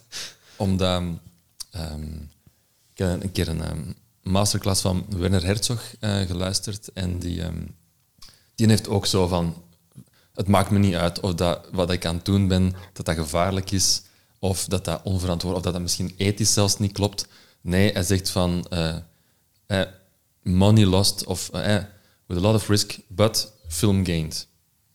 Dat is zijn, zijn, zijn, zijn, zijn go-to, uh, zijn manier om daarmee om te gaan. En ik vind dat leuk. Ik vind dat leuk. Ja, dat maakt me niet uit of dat, dat onverantwoordelijk is. Van, hey, gewoon, maar we, we, doen het toch maar voor iets. Er is toch een doel wat dat we willen uh, achieven. En dat vind ik heel, ja, vind ik heel leuk. Ja. Dus merci voor deze anekdote. Ik, nu ik dat ook zo... Ja, we op dat tak. ik zal dat nu ook uh, zo doorvertellen, ja. Ik had daarop ook steken dat mijn auto een jaar later per totaal was. Ah ja, oké. ja. Maar dat heeft niks met mijn film te maken, denk ik. Nee, nee. nee, Want dan zal ik je doorverbinden met mijn producent en dan zit er iets. Dus, uh... dus dat was je bachelorproef aan het ja. En dan zet jij de wijde wereld ingetrokken. Ja, dus ik had toen een, uh, een vriendin, in, uh, ja, mijn vriendin dus, in Londen en die studeerde daar musical. dus ik kwam ja, wel, wel, wat vaker in Londen. En toen ben ik gewoon eens op... ik had een vrij momentje en... Um, pas naar, de, naar een open deurdag, naar een open deurdag van een filmschool gegaan, daar uh, niet zo ver uh, van, van waar dat zij woonden. En toen dat ik daar binnenkwam, ja, dat was zo mind, mind-blowing, of, of uh, dat, dat, opende weer opnieuw. Een beetje een soortzelfde ervaring als ik dat de eerste keer bij het Rits had, van wat, wat, wat, wat deuren of wat, wat, wat luiken. Ik weet niet hoe dat ik dat juist zegt. Dus die hebben een heel andere uh, pedagogische aanpak. Dat is een beetje meer het Anglo-Saxische model. Dus waar dat je bijvoorbeeld heel klassiek bij ons eh, maandag van drie tot vijf heb je filmgeschiedenis. En dit de hele tijd werken zij met modules. We gaan nu, en dat waren ook heel andere modules dan hier, eh, we gaan nu uh, heel hard werken op uh, improvisatie met acteurs. een maand lang. Daarna gaan we werken met moving camera. Hoe beweegt een camera? Hoe vertelt je dat? Um, uh, ja, en zo. En uh, commercials. Er zit ook een module commercials in. Dat zijn zo dingen die dat je bij Trits helemaal niet krijgt of zo. Hè, wat dat echt heel raar is. Want ja, dat hoeft niet de go-to te zijn, maar je moet wel, vind ik, als maker een beetje, of filmmaker, gewapend zijn gewoon voor de wereld waar dat ze u in toesturen. En dat vond ik dus bij Trits, dat ze dat dus niet genoeg deden eigenlijk. Um, dus toen was, ja, ik had toen uh, geappliqueerd daarvoor en uh, ze, ze, ik was zeer welkom. Dus, uh, en dan is de vraag van, ja, dat is wel veel geld, want dat is... Hè. Maar mijn ouders hebben mij daarop elk op hun eigen manier heel hard in gesteund om dat dan toch te doen. dus dat was dan de big, het grote nieuwe avontuur. En superveel leuke nieuwe mensen leren kennen. Dat is by far, denk ik, het beste jaar in mijn leven geweest. Niet zozeer omdat dat heel veel nieuwe info was, maar gewoon omdat dat, dat op een andere manier zo toch nog eens heel mooi systematisch structureerde voor mij. Op een heel andere manier. En gewoon ja, converseren in, uh, in een andere taal is sowieso heel stimulerend. Dus dat is heel fijn.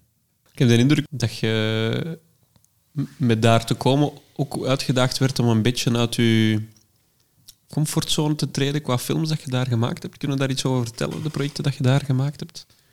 Ja, ehm, daar moest je dus niet afstuderen per se met een, uh, met een kortfilm, of, uh, maar je kon daar ook gewoon een commercial maken. En er was daar een, een productieafdeling, dus producers die opgeleid worden tot producenten. En er was daar één uh, vriend van mij, Augustin, een Fransman, en die had een idee voor een, een, een Wereldoorlog 2-serie.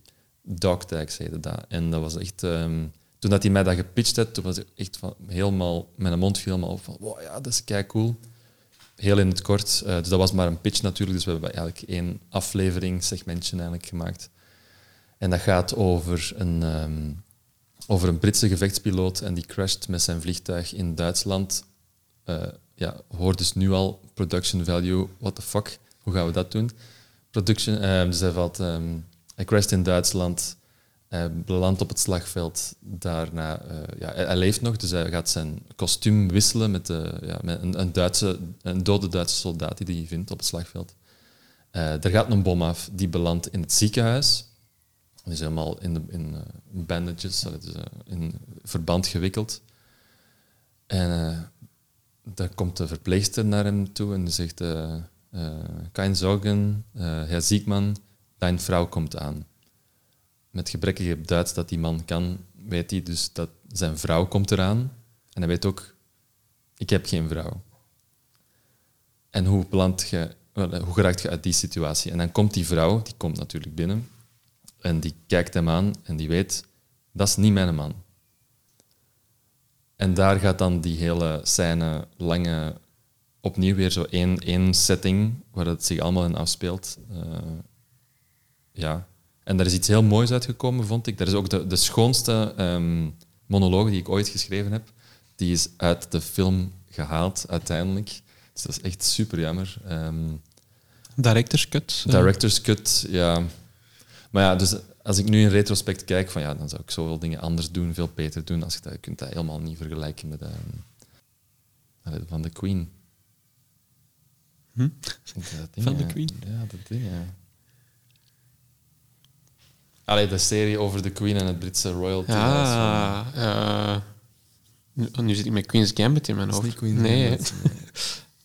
The Crown. The Crown, ja, inderdaad. Dus dat is helemaal niet zoals The Crown of zo. Van, dat is een, een studentenfilmpje uiteindelijk nog maar. Maar ik zou durven zeggen, Laurent, dat het qua production value u benaderde. ik dacht dat je The Crown ging noemen. Nee, nee, het benaderde, het benaderde u, uh, ja, vond ik. Ja. Dus dat was heel, dat was heel cool. En, uh, dat dan natuurlijk daarna proberen ze wat te verkopen, maar dat is helaas niet geland. Maar uh, de ervaring was, uh, allez, is heel leuk. Maar inderdaad, uit de comfortzone stappen, inderdaad. En toen was eigenlijk het idee uh, al ontstaan van de film die ik nu onlangs heb uitgebracht, To Do Tango.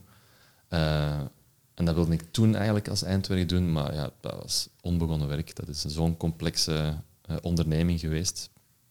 Maar we zijn er geraakt. Uiteindelijk wel ik stel voor dat we, we keren een beetje uit de nostalgie en we gaan ja. een beetje meer richting het heden. Zalig. Dus ik, uh, ik verwacht me aan een tweede jingle. Shit, dat is mijn jingle. Ja, en die... Uh, die ik ga, dus daar, daar straks was de jingle was, een glaasje water. Laten we dan nu een stukje pizza pakken.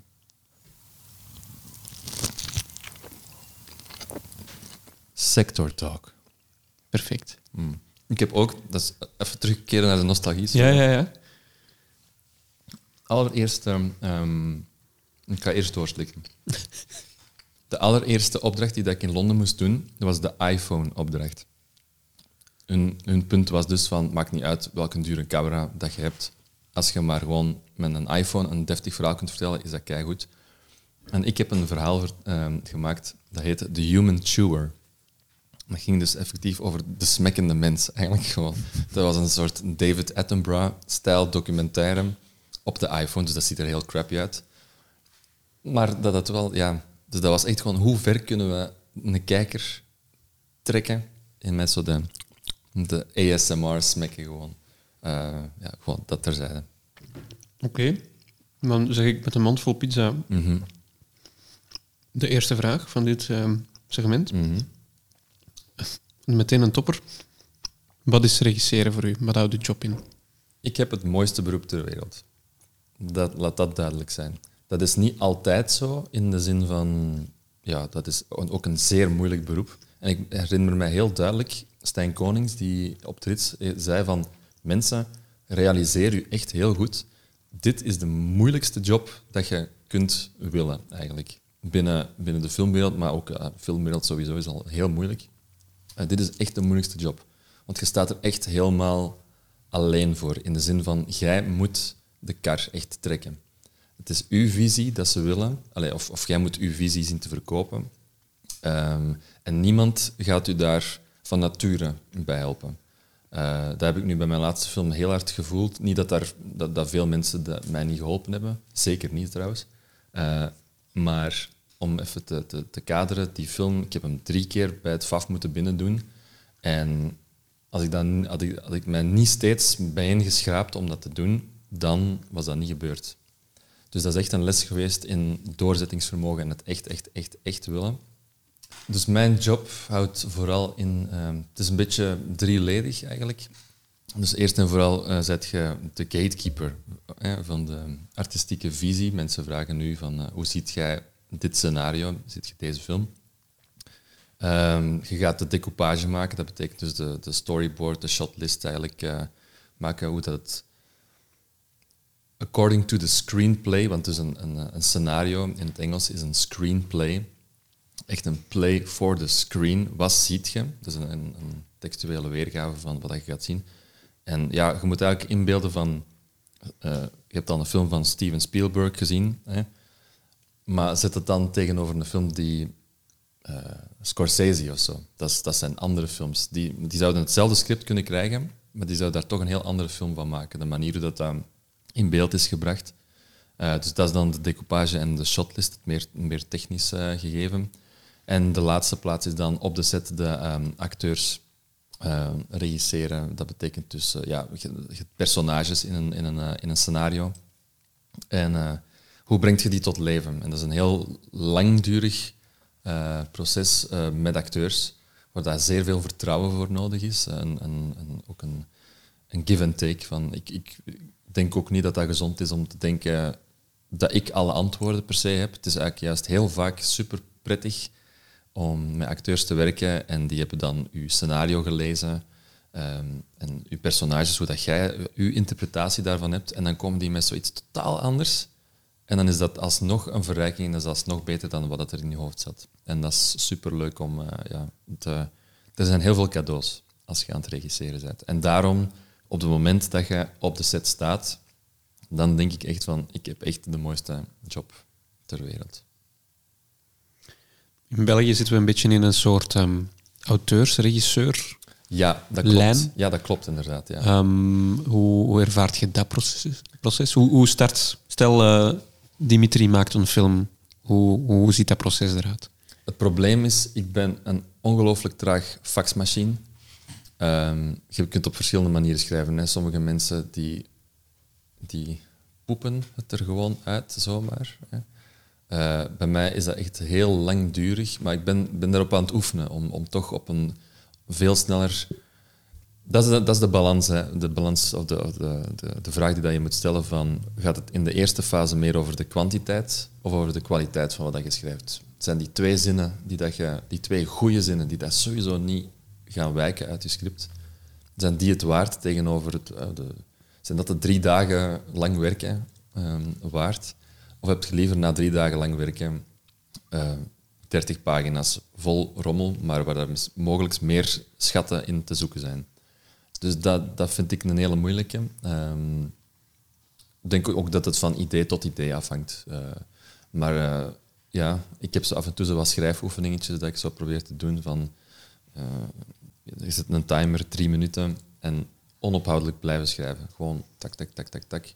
Of dat je associatieoefeningen maakt van, oké, okay, rood, bloemen, bloemen, liefde. Ja, god, dat is zo sentimenteel. Maar zie, dus, dat is ook het ding met associëren. Het, uh, there's no judgment, maakt niet uit. Het, maar het is vooral gewoon belangrijk dat, dat er verbindingen worden gemaakt die dat je anders niet zou maken, uh, onbewust, of ja, bewust zou maken. En zo komt je heel snel op, ja, op nieuwe creatieve ideeën. Maar, en dit is nu een leuke anekdote waar ik heel graag over vertel. Ehm, in de lockdown, iedereen had wel een soort half existentiële crisismomentje. Op dat moment ben ik beginnen nadenken over um, ja, zo, zo pitches en zo plot uh, of um, synopsissen en loglines. Loglines zijn het. Uh, gewoon een korte samenvatting van een verhaal in, uh, in twee zinnen. Altijd wanneer dat je een, een idee pitcht, bijvoorbeeld Titanic. Titanic is een, een, ja, een, is het een, een liefdesverhaal of is het een ja, het is, het eigenlijk een disaster movie. Dus het is eh, een disaster movie over twee mensen die elkaar op een boot tegenkomen, maar de boot zinkt en ze willen elkaar niet kwijtgeraken. Punt. En zo kun je over eender welke film dat zo in een logline zetten, um, samenvatten. En in die loglines komen altijd verschillende parameters voort. Dus het is eerst al de titel. De titel van de film is een, mm, mm, mm, een genre een genre over personages. Personages die, die willen iets, die, die worden gehinderd door iets. En het speelt zich hier en daar af. En dan dacht ik van, oké, dat kun je nu eens heel mathematisch eigenlijk gaan uh, benaderen. En ik heb toen een... Uh, en mijn, mijn vorige vriendin, die gaat dat kunnen beamen hoe fucking vreselijk dat dat was. Dat ik daar de hele tijd mee bezig was. Maar alleen maar in Excel databases aan het aanmaken. Van alle mogelijke soorten settings, alle mogelijke soorten dingen. Ehm, en ik heb dat dan zo via Excel uh, in, een, uh, in een soort wiskundig formuletje gezet, maar dat is echt vrij advanced. Um, dat je gewoon met een druk op de knop gewoon kunt randomizen. En dat je zo op, van, van de ene moment op de andere gewoon een spark, eigenlijk, ik heb het zo spark genoemd, uh, gewoon een totaal random idee waar dat je nooit waarschijnlijk zou op kunnen komen zijn geweest, dat het dan gewoon zegt, van, uh, ja, ja ik, zou, ik, zou het, ik zou het nu zo meteen eens even in gang moeten zetten om eens gewoon uh, een, een paar random ideeën te geven. Maar dat ik zo al die verschillende parametertjes zo van, oké, is het geen musical over twee nazi's, dan is het wel een, een oorlogsfilm over twee nazi's. Hè. Dus al die parametertjes die kon je um, veranderen. En om maar mijn punt te maken nu, dat is dus ook een manier om zo geïnspireerd te worden door gewoon pure, complete randomness. En uh, ja, dat probeer ik toch wel af en toe eens wel op te zoeken. Een logline generator eigenlijk. Een we hadden al een generator. personage generator en nu hebben we... Maar, dat ging, ja, maar dat ging dus ook inderdaad verder. Want ik heb ook dus met alle set kar karakteristieken voor personages ik kan een hele sheet maken van wat is, wat is die haar mentaal probleem. Ik heb alle, alle soorten mentale problemen opgezocht. Heeft ze twee tanden? Heeft ze een handicap? I don't know. Dus, en zo geeft je heel snel een personage vlees of een, of een bepaalde setting of een, een scène vlees. Ja. Als je op YouTube um, kijkt naar uh, Corridor Digital, ik weet niet Corridor of dat Digital, nee, ken ik niet. Die, um, die hebben een maand geleden of zo um, machine learning, dus AI, aan het ja. werk gezet om een scenario te schrijven. Ja. Ja. Dus je feed daar een paar parameters in en dan vertrekt dat. En dan uh, hebben ze dat voor de luid zo eens gefilmd om te zien wat daaruit komt.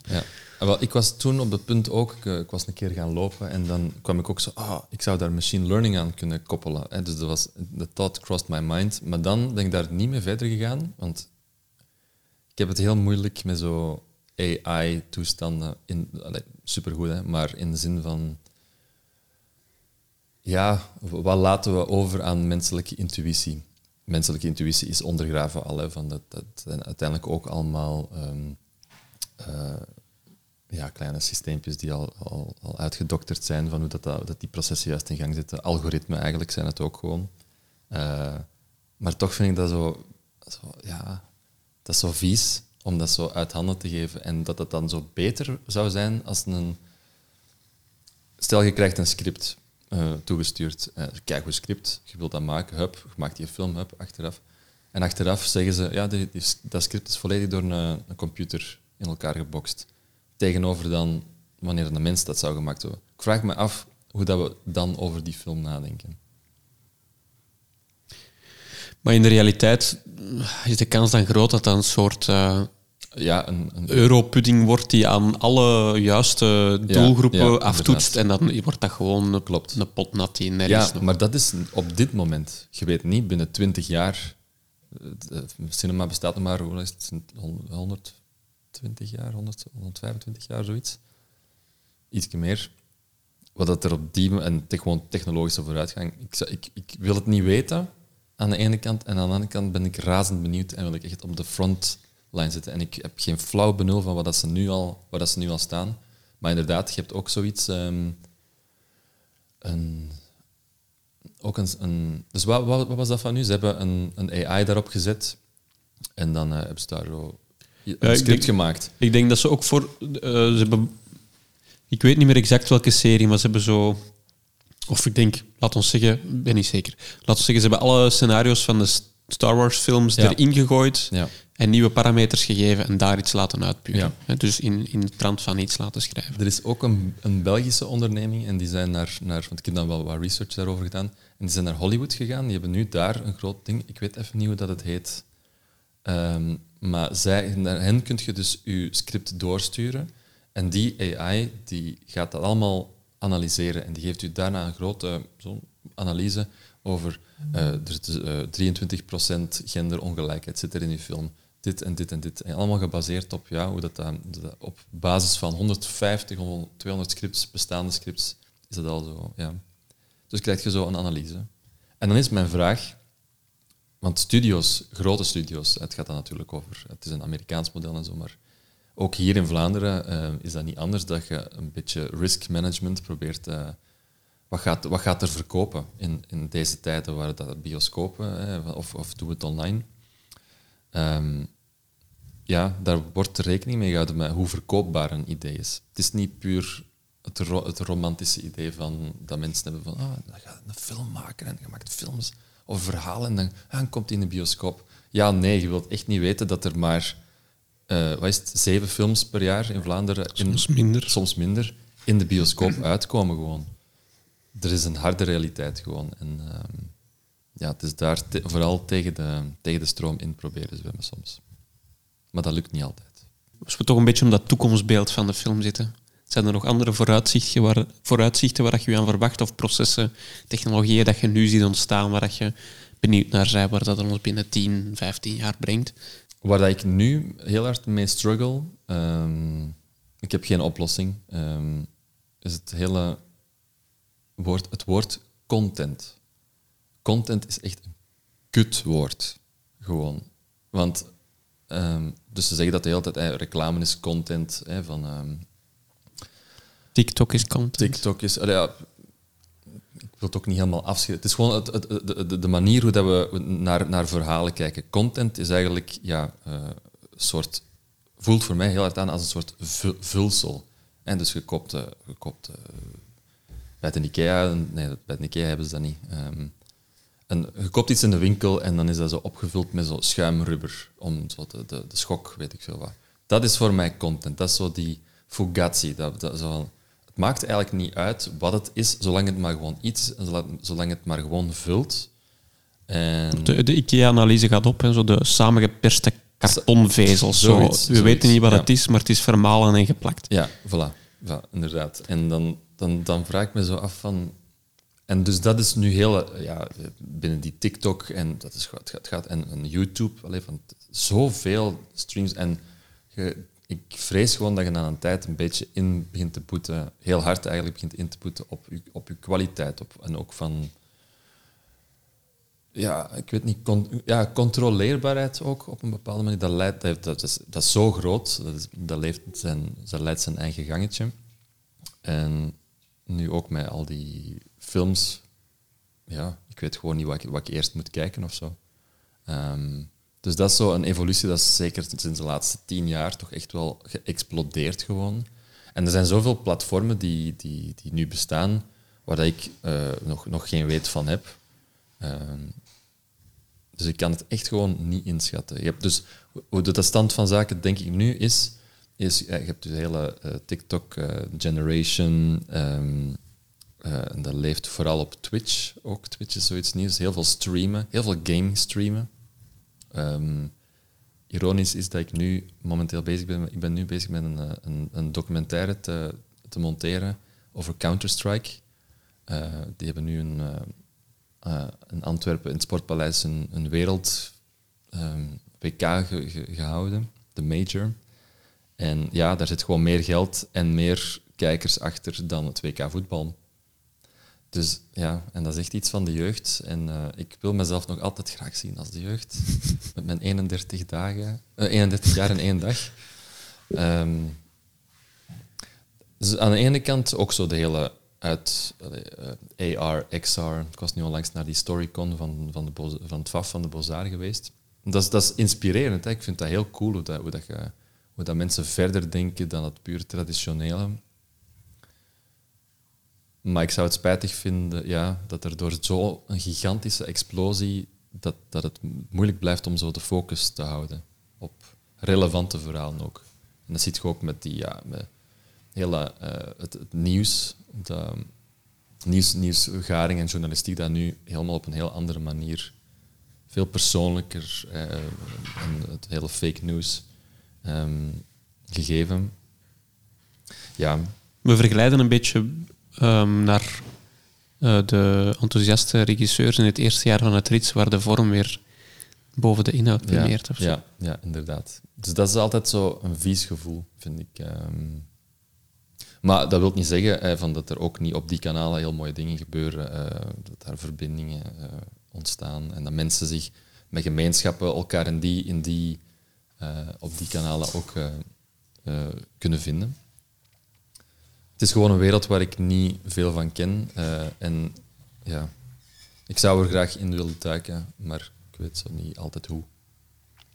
En, ik zou eh, gewoon niet willen, ook niet, dat ik helemaal op het einde van mijn leven dat ik denk zo, vroeger was het toch beter, hè, weet ik veel. Ah, zo, de, de, de knarsende oude man. Um, ik uh, keer uh, Nolan gewijs even terug in de tijd. en oh, we waren bij Dimitri, die net in een complex proces een scenario had gemaakt. Ja. En, en wat, is dan, wat is dan verder jouw proces daar? Van het scenario bedoelt je? Ja, eens dat je het scenario naar, naar persen en wringen ja. uit je vingers hebt geschud. Wat ik belangrijk vind, of, of graag lees in een, uh, um, in, een, in een scenario, is uh, heel duidelijke visual storytelling. Dat is ook iets dat, dat bij mij echt wel heel uh, zichtbaar, want natuurlijk, want het is, het is, het is visual, is. Maar bijvoorbeeld eh, Onatan, mijn film over de vluchtelingen, daar komen, daar komen drie, vier zinnen in en die herhalen zich gewoon. Dus er is heel veel um, beeld, gewoon beeldtaal. En beeldtaal is, uh, denk ik, ik kan niet zeggen dat het universeel is, want uh, het ene beeld betekent in de ene cultuur ook wel wat anders. Maar er is wel zoiets als uh, ja, wij mensen die als kijker in elk onze eigen cultuur wel door alles wat we hebben gezien, dat we ook wel een soort die wetmatigheid, wetmatigheid hebben uitgedokterd van dit beeld betekent dit. Ah, uh, een roos betekent... Of ben ik hier weer met die roos? Want er staan, rozen op de, er staan rozen op tafel. Um, um, dus gewoon puur een verhaal vertellen vanuit uit beelden, van het blikken mensen die naar elkaar kijken. Uh, dat zijn dingen die ik heel graag lees. Um, en waar ik ook graag om, om bekend wil staan. Dus je hebt je scenario en dan gaat je... Ja, ik heb moeten aankloppen voor mijn scenario van mijn, voor mijn kortfilm Tutu Tango. Uh, bij het FAF helaas drie keer. Um, want film maken kost geld. Kost zeer veel geld. En mensen vallen er echt van achterover hoeveel dat, dat dan kost wanneer dat je dat dan zegt. Wij hebben de toeval in Vlaanderen dat we eigenlijk een zeer goed filmklimaat hebben. In de zin van dat, daar, dat de overheid, ondanks de vele besparingen, alsnog redelijk veel geld voor uit, uh, uit ja, rolt. Of zeg je dat? Ehm, om het maar gewoon te vergelijken, toen ik in Londen zat, ik wilde deze film, uh, mijn film Tutu Tango wilde ik maken, maar ik wist van, ik ga dat niet hier kunnen doen, want ik ga daar niet hier genoeg geld voor kunnen vinden. Hier bij het FAF uh, kon je toen 60.000 euro daarvoor steun voor aanvragen. Nu is het ondertussen 80.000 euro voor korte, voor korte projecten. Het is geïndexeerd. Geïndexeerd, ja, ja. Dat ze maar doen, het is goed. maar dat is ironisch, hè, want dat jij, ik heb die 60.000 gekregen en daarna was het 80.000. Ik dacht van, hey, met die 80.000 uh, had ik mijn crowdfunding en mijn eigen zak niet moeten leggen en zo. Boom. Um, ja, en... Uh, dus dat is, dat, is, dat is redelijk veel, maar dat is nog, nog altijd niet het volledige budget. Daarna moet je, uh, als je natuurlijk meer nodig hebt, maar dat is heel vaak wel, uh, heb je in Vlaanderen ook het tax shelter systeem. Dat is een heel goed een mooi initiatief waar dat dus bedrijven eigenlijk hun ja, uh, in, in uw film kunnen investeren en in ruil daarvoor krijgen zij een tax cut, een, een, een, korting van belastingsvoordeel. Een, belastingsvoordeel, inderdaad. En daar staan wij heel uit bekend om en het is daarom ook dat um, België, uh, dat Vlaanderen heel, heel dat veel internationale producties, co-producties worden met Vlaanderen. Um, zodat ze gewoon hier eens kunnen, kunnen draaien, zodat ze van dat systeem. En dat is goed voor, de, voor, voor onze filmeconomie, zal ik maar zeggen, en ook voor de economie um, in het algemeen. Dus in die zin zitten we hier wel goed. Uh, maar dus uh, de parallel dat ik dan vaak met Londen leg, is van ja, in Londen zijn er veel, of in Engeland zijn er veel meer mogelijkheden. Hè, van de, vraag, de vraag is veel groter. Maar het aanbod is ook veel groter daar. Er zijn veel meer mensen die het daar willen. En zelfs in dit kleine Belgelandje zitten we met zeer veel talent, echt waar. Ehm, en dat, is, daar, dat herapprecieert je ook wanneer dat je ergens anders woont. Uh, ik dacht van, het is eigenlijk in, in België is het zo slecht eigenlijk nog niet. We waren bezig over je proces. Ja. Dus men klopt aan bij het FAF. Jij klopt aan bij het FAF. Is er een manier dat jij productiehuizen gaat benaderen? De daar een visie over? Of ik heb eerst bij een productiehuis gewerkt, dus dat was evident dat ik dat dan daarmee ging indienen, maar dat was eigenlijk een commercieel productiehuis en die hadden eigenlijk minder kaas gegeten van hoe ja, fictie maken en wat zijn daar realistische budgetten in. Uh, dus dat was de eerste keer toen afgeschoten. En toen heb ik een producent gevonden, uh, Xavier Rombout. En um, de ironie is dat hij is degene die mij uh, voor de Ensor voor beste kortfilm heeft gegeven op het filmfestival van Oostende. Met mijn, dus mijn Onatom, mijn vorige film. En um, ja, dat was super cool van, maar ik ken u van ergens. En dus toen zijn we eigenlijk gewoon aan de praat geraakt. En uh, ja, die, die had al een, een, een, redelijk wat ervaring. Die heeft ook een keer even in het FAF gezeten. Dus hij had de expertise. En, en dat is wel iets dat je als, um, ja, als, als regisseur of beginnend filmmaker gewoon nodig hebt. is gewoon de expertise van iemand die who knows the game, Ehm, iemand bij wie dat je veilig eigenlijk zijt, uh, onder zijn of haar vleugels kunt uh, en erop kunt vertrouwen van die gaat dat hier tot een goed einde brengen. En dat is een vertrouwensrelatie en dat is niet altijd gemakkelijk. Um, want allee, bedoel van, dat, baseer ik dan op andere verhalen die ik gehoord heb van uh, ja, dat, ja, dat, dat, je toch andere intenties soms. Of, of, dat, dat, het ene project betekent voor de ene partij soms al iets anders dan voor een andere partij. Natuurlijk, voor mij is dat, ja, dat is mijn, eerste professionele kortfilm. Dat is, dat is als het ware het, begin, het mogelijke begin van een carrière, terwijl dat voor een heel ervaren producent is van, ja, dat is een kortfilm. Hè. Ik bedoel, tussendoortje. Een tussendoortje en we gaan daar niks op verdienen. Dus, hè, dus het is echt al goodwill uh, dat je daar eigenlijk voor nodig hebt. Um, daar, stoot je soms wel, denk ik, op uh, doorheen het proces. Maar ja, bedoel, ja dat, denk, dat, dat, is eigen gewoon eraan.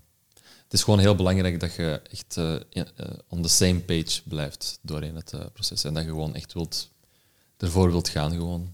En dat je gewoon met die camionet met één ton, dat maar op je dak mag, hè, ehm, gaat rondrijden. We hebben het dan nu over de relatie met de producent. Ehm, hoe, is hoe is uw omgang met, met de DOP bijvoorbeeld? Hoe, uh... ah, ja. Ehm, ik heb één vaste DOP, mag ik zeggen, Dries, Dries van der Aarde. Uh, die heb ik in uh, het rits ook meegedaan, uh, Onatam. Wij, zijn, wij hebben nog samen gewoond, dus wij kennen elkaar vrij goed. En het is altijd zeer intens, in de zin van... Ik ben een traagste faxmachine, maar hij is godverdomme ook een trage soms. In de zin van... Um, dat we er de tijd echt voor willen pakken om het volledig te snappen wat we aan het maken zijn en dat we dan op de set daar ook geen, geen, geen problemen meer over hebben. Dat we weten hoe dat we moeten communiceren. Dat blijft nog altijd op een set moeilijk natuurlijk. Maar dat je wel snapt van dat je hetzelfde verhaal aan het vertellen bent. En dat was voor Tutu Tango uh, was dat wel een heel belangrijke. Ik heb ook nog niet uitgelegd wat dat die die film over we gaan, we gaan er zelfs misschien uitgebreider over maar ik neem, het. Ik, neem, ik neem het moment. Zal, um, het gaat over Tutu Tango is een um, conceptuele, eh, opnieuw parabel, over twaalf wereldleiders die samenkomen in een grote conventieruimte om samen een, een machtsspel te spelen, waarin dat ze in afwisselende rondes tango dansen met elkaar. En van zodra de muziek stopt, zoals bij stoelendans, dat ze elkaar mogen afschieten. En ehm, ja, dus dat is al een hele boterham. En ehm, een heel visuele film. Het, is een, uh, het gaat terug op dat um, It Takes Two to Tango, dat Engelse gezegde. Dus het gaat over... ja, waar gaat dat ook alweer over? over coöperatie, uh, over samenwerking, over het feit van dat je in een conflict of in mijn probleem alle twee een stap naar voren moet zetten. En uh, dat, dat heb je dus helemaal heel weinig, of dat zit heel, weinig in de politiek, um, vind ik. En dus die link tussen tango en, en uh, politiek was dan snel gemaakt. Terugkerend naar de DOP, dat is dus een heel visuele film. daar wordt opnieuw, net zoals bij Onatan, amper in gesproken. Er zijn gewoon een paar herhalende zinnen posiciones iniciales, por favor, listos y tango. Dat drie keer heb. Meer wordt daar niet gezegd. Uh, dus dan moet je heel, heel, heel duidelijk gaan bepalen van er is zeer zero marge eigenlijk om, om daar op de set met zo'n grote enterprise, hè, want dat, waren twaalf tango-dansers, nog, nog figuranten, dus dat waren 19 man, uh, die moesten dansen, daar moest muziek zijn, daar moest in gecommuniceerd worden. Dus wij moesten heel duidelijk weten wat dat we gingen doen. Um, en hoe dat wij dat dan hebben aangepakt, uh, is we hebben dat uitgetekend uh, in een 3D-programma, Blender. Dus we hebben die hele ruimte nagemaakt. Eerst al locatie zoeken en, en wat doet je ermee. Om het dan ja, uit te tekenen, gewoon 3D-weergave. Je weet meteen waar je aan toe bent. een camera, kun je eender welke positie doen. En zo kun je anticiperen. En dat, voorbereiding is echt gewoon key. Uh, dat gaat denk ik niet voor eender welke film. We hadden nu ook gewoon de tijd en de luxe om dat te doen. Maar dat vond ik wel heel cool. Om, uh, je ziet dat echt tot leven komen gradueel, als je daar zo aan het, uh, aan het werken bent. Dus dat is echt wel heel fijn. Hoe is die opname van Tutu Tango verlopen? Hoe was dat om op zet te staan? Vertel ons daar eens wat meer over. Nu dat we toch die film aan het uittypen zijn. Dus je hebt... Um, ja, het is een... Van het begin van het idee, dat was dus in 2018, we zijn nu 2022, dat is vier jaar lang. Natuurlijk werkt daar niet aan een stuk, zeker niet aan. Um, en daar gaat veel tijd over. Er is ook een COVID-periode uh, over geweest. En dan drie keer, dus dat is per definitie anderhalf jaar wachten. En dan ineens staat je daar eindelijk op die set en dan ziet je dat en dan, uh, ja, dan besef je eigenlijk niet dat je, dat je die film aan het maken bent. En ik heb doorheen die vier jaar, want ik wist echt hoe complex die uh, onderneming was. Ik, mijn grootste nachtmerrie was op de eerste dag um, dat, we, dat we achterstand oplopen en uh, dat, het, dat, je de, dat je de rest steeds moet inha inhalen. Dus we hadden zeven draaidagen. En effectief op dag één, eigenlijk al op dag nul, op de op voorbereidingsdag, wist ik van, dat gaat hier niet lopen zoals ik zou willen, lopen, zou willen dat het loopt. Want we hadden een... Ehm, dus de setting van, van de film gaat over... Uh, het speelt zich af in een soort... Uh, ja, in een, in een... Niet een balzaal, maar een, ja, een groot... Uh, ja, een soort een parlementachtig... Uh, zo een politieke context. Dus er zijn vlaggenstokken met vlaggen. We hadden twaalf verschillende fictionele vlaggen gemaakt. Maar die vlaggenstokken waren niet toegekomen. Uh, want er was zo de overstromingen, vorige, vorige zomer was er. Uh, en daardoor waren alle deliveries een beetje verlaat. Dus dan kwam mijn art director, die kwam dan op de dag zelf nog zeggen van... Dat, ja, dat gaat, dat gaat er niet komen. En dan was de draaidag was op de nationale feestdag. Wie, wie verzint dat nu ook? Dat was mijn idee. Hè? Van, ja, ja, dan hebben mensen vrij. Ja, ook de mensen met de vlaggenstokken hebben dan vrij. Um, dus dat zat er zo niet in. Het technische plafond was toch niet helemaal af. Uh, maar ja, dat zit ook... Ja. Het is echt een dure, een dure onderneming en een dure film. En iedereen heeft zoveel mogelijk willen doen om, uh, uh, om dat tot een goed eind te brengen. En voilà, dat is gewoon waar we mee moesten dealen. Ze hebben die vlaggenstokken gevonden trouwens, hè. uiteindelijk toch.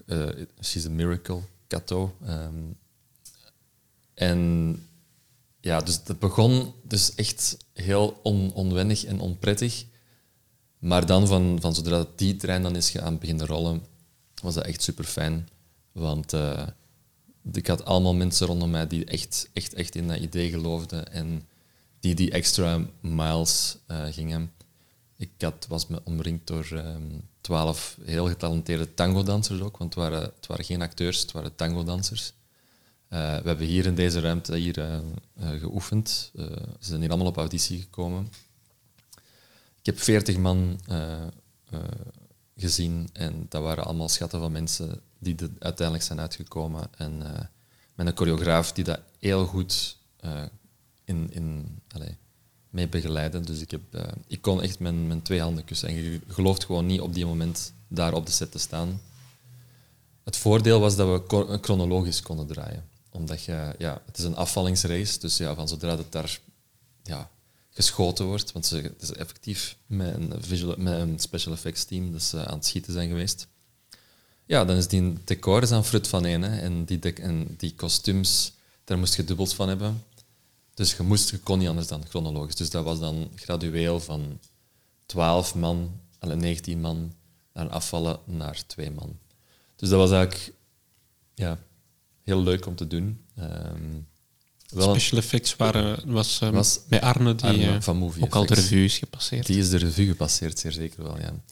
En ja, dat was heel uh, ja, super tof gewoon om, uh, om dat eens te doen, want er zijn niet zoveel schietfilms of zo in België. En mijn, de film is ook geen schietfilm, maar het, ja, de, de vechtscènes is wel... En ook allemaal met mensen die dat nog nooit gedaan hebben, die hebben nog nooit een wapen vastgehouden. Dus je gaat daar zo wel in mee en je moet beginnen... Ja, dat technisch echt beginnen blokken hè, van... Oké, dus die schiet twee keer naar rechts, naar die marker, naar die dingen. Ehm, dan daar een impact links onder de borst. Hè, daar moet dan een gaatje gemaakt worden. Dat duurt 20 minuten. Dus dat is zeer, uh, je moet zeer tijdsefficiënt werken. En daar hadden we ons op de eerste dag echt heel hard aan mispakt, want we wisten gewoon niet wat dat ging zijn. En uh, de tweede dag was al veel toffer. Uh, en ja, als je dan zo, je maakt je zo klaar voor. Allez, echt gewoon met de fingers crossed hè, van ik hoop maar dat niemand zich ook bezeert, want dan twee maanden later kwam dan dat hele Rust-ding met Alec Baldwin, van die iemand, uh, de cameraman, cameravrouw per ongeluk neerschiet. Je bent u daar op dat moment allemaal niet bewust van, dat het allemaal heel fout kan lopen, maar het, uh, het is allemaal zeer, zeer goed verlopen. Het wordt natuurlijk, ik kan me inbeelden, het wordt ook heel technisch voor, voor acteurs die dan geen acteerervaring hebben, gaan het plots heel hard gaan af knippen en af... Uh, ja, absoluut. Maar Hoe zijn we... daarmee omgegaan voor die daarin te begeleiden? Of, uh... Hen? Um, ja, eerst en vooral, zij, zij kennen hun personage en zij weten van, ja, it's just total war, ga gewoon total los. En ik zeg ook van, roep maar gewoon, roep maar gewoon, we willen echt een jungle gewoon. Um, en die, ja... Dat, is één, eh, en dat, was, dat, vond ik een heel mooi moment op de set. Um, dat is een actrice, Stefanie heet ze het liefste mens ter wereld. Dat is zo'n schatje, dat is, dat is ongelooflijk. En, uh, en die moest een feisty madame spelen, dus uh, à la, uh, hoe heet het, de Iron Lady, Margaret Thatcher-achtige iemand. Gewoon echt knal, knal, knal, knal, knal. En die, en die knalt en de, en de kut is gedaan, de take is voorbij en die begint gewoon te blijten. Want die, die, er zat zoveel aggression in haar lijf en dat was ze niet gewoon. Uh, dus het is effectief als regisseur dan ook dat, dat opvangen, want dat is ook allemaal nieuw voor mij. Ik denk, uh, wat dat mij het meeste karakteriseert, is dat ik, ik ben een rustige mens en ik, ja, ik, ik heb ook stress, enorm veel, maar ik straal dat niet uit. En ik denk dat dat mijn troef is, dat ik daar ook mensen hun vertrouwen mee win van als het niet gaat, dan, dan vinden we wel een manier ook om om terug tot rust uh, te keren. Dus dat moest daar wel.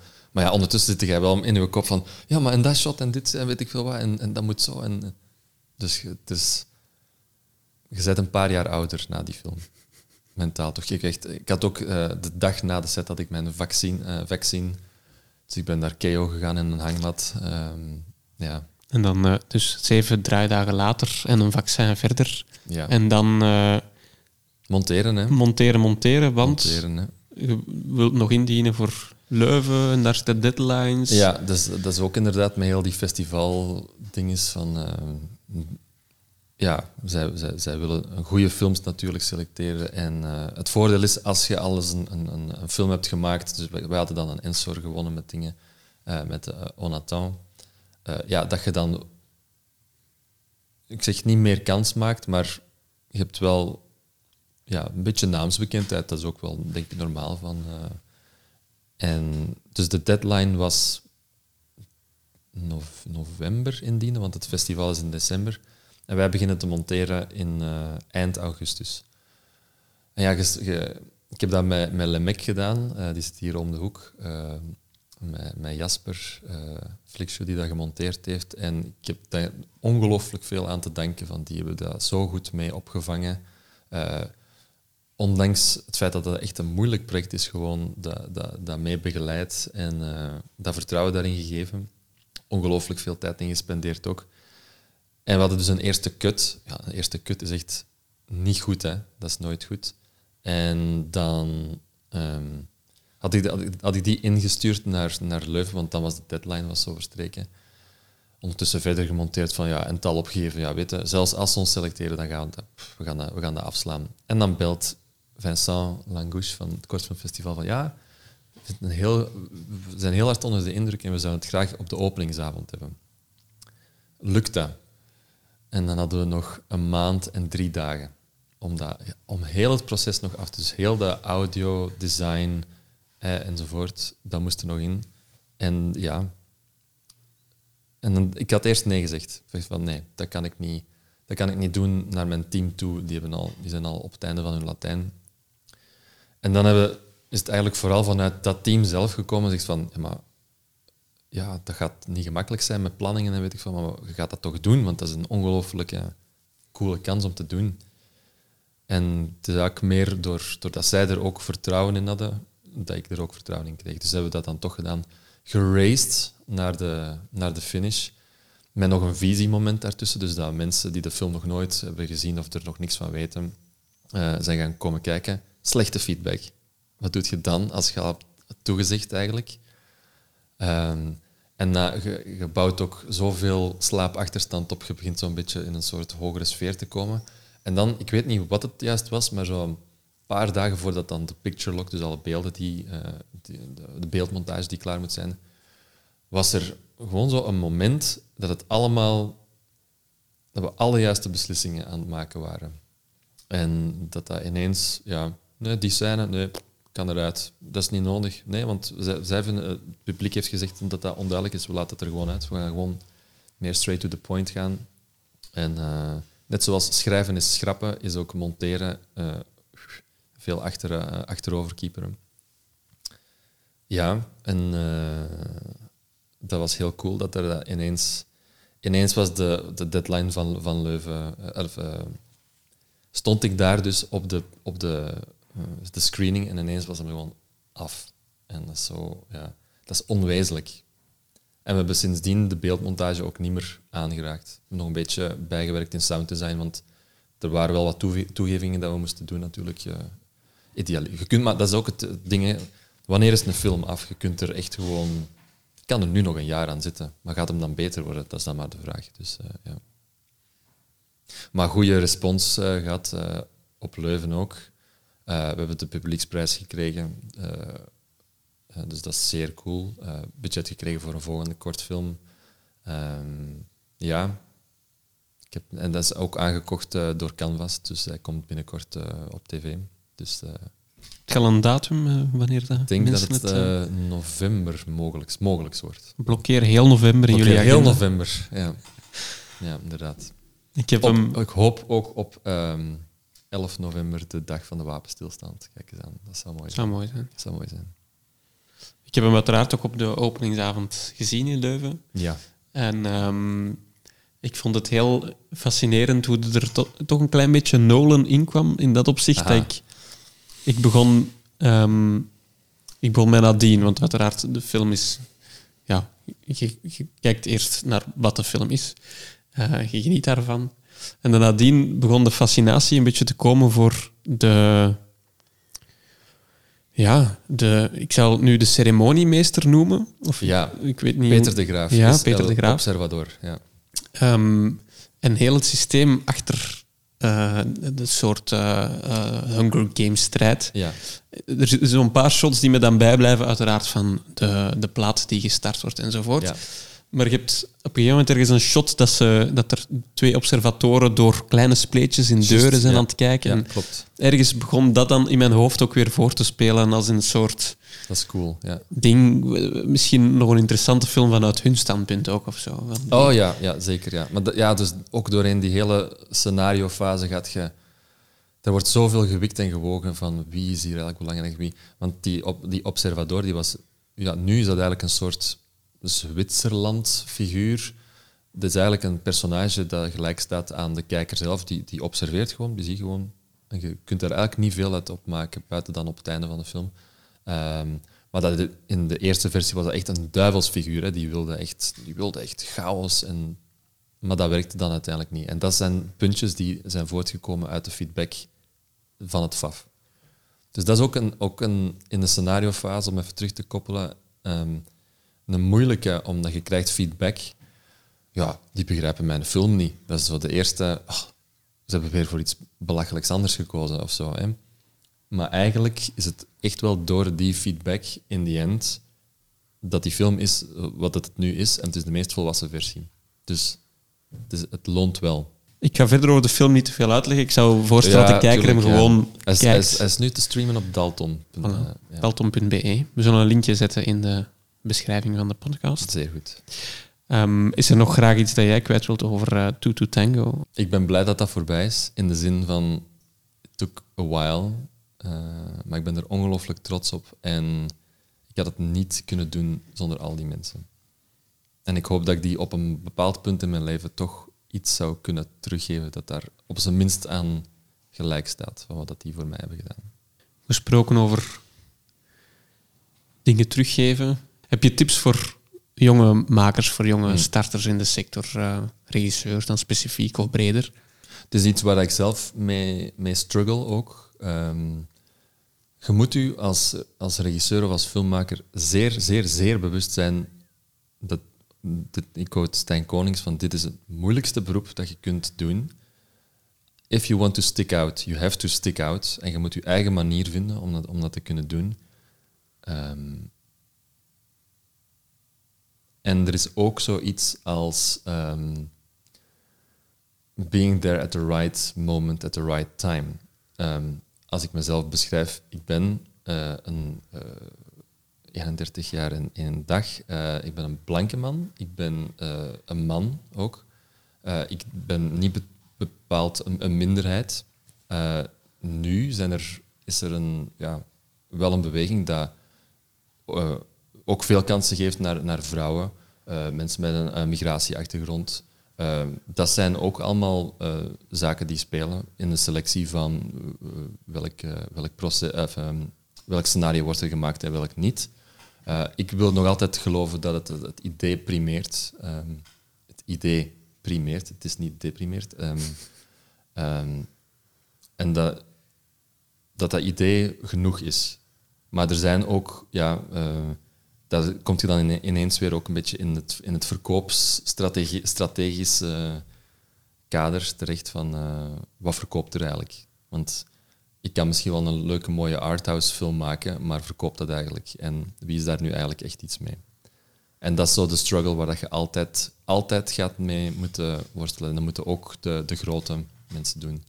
Eh, maar vooral vind, vind uw eigen stem en, en, en zie dat die stem luid klinkt. En durven ook gewoon. Niet denken van het gaat wel een keer op mij afkomen. Nee, het gaat over zelf actie ondernemen. Zelf naar een set eh, gaan, grote productie gaan doen. Eh, al is het maar assistent, leer daar mensen kennen. Leer vooral veel mensen kennen. Want het zijn die mensen die u gaan moeten helpen. En jij hen. Dan ehm, werp ik mijn blik nogmaals naar de toekomst, en, eh, of misschien ook deels naar het heden. Heb je momenteel iets in de pipeline zitten waar je ons iets over kwijt kunt? dat is vrij classified. Maar... ehm, Een tipje van de sluier. ik zou heel graag een musical doen. Zeer graag. Eh, opnieuw een beetje in, het lijn van, in de lijn van wat ik al daarvoor heb gedaan.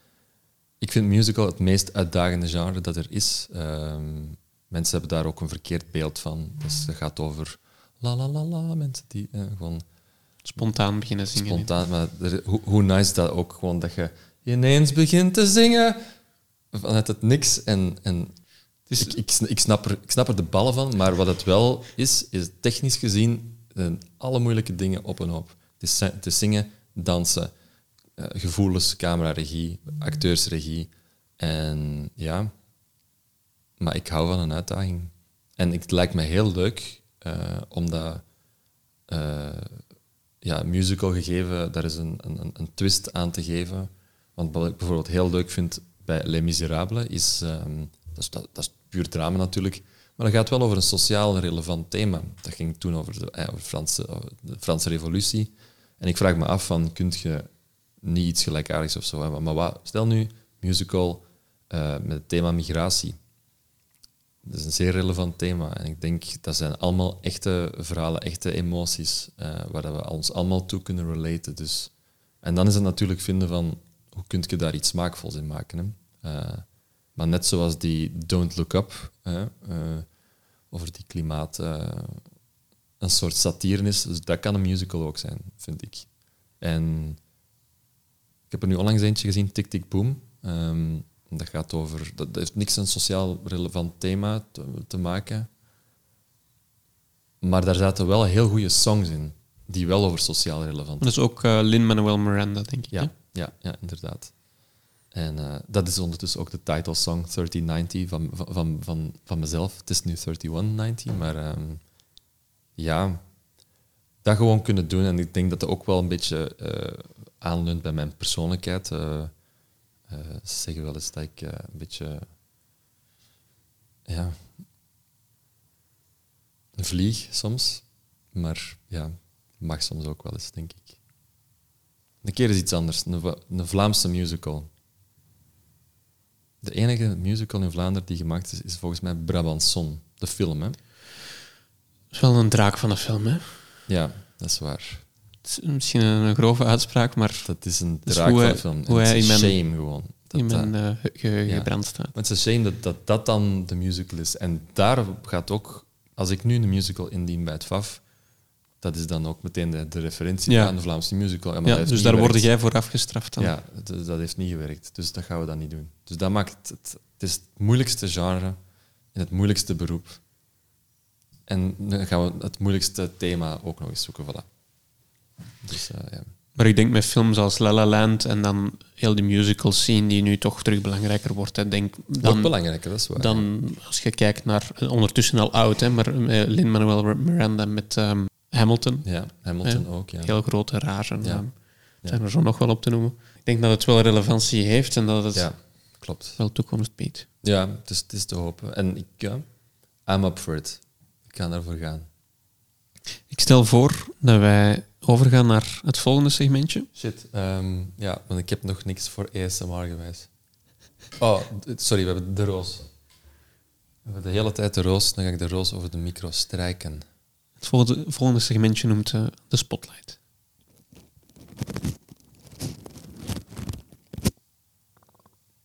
De spotlight.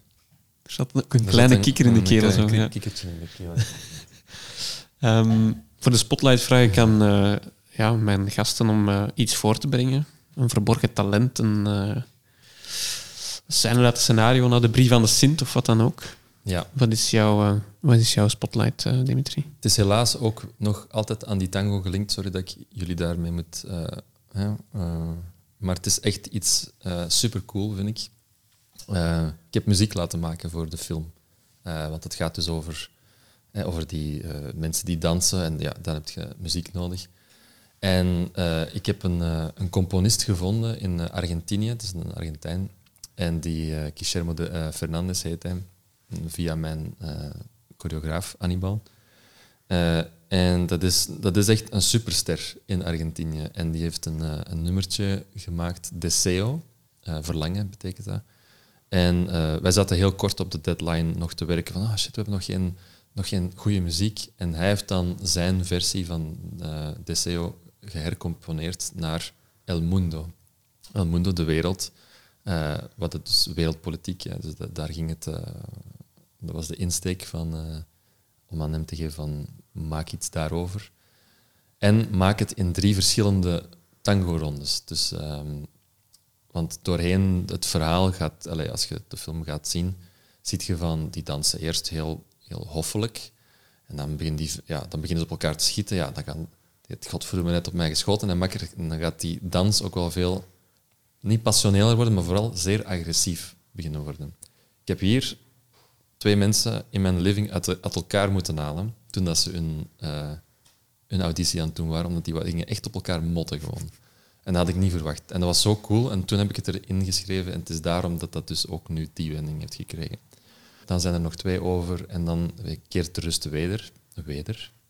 Um, en dus ja, ik, ik moest dat brieven naar die, naar die, naar die uh, componist. Van ja, ik wil dat zo en zo. Maar ja, die woont in Buenos Aires.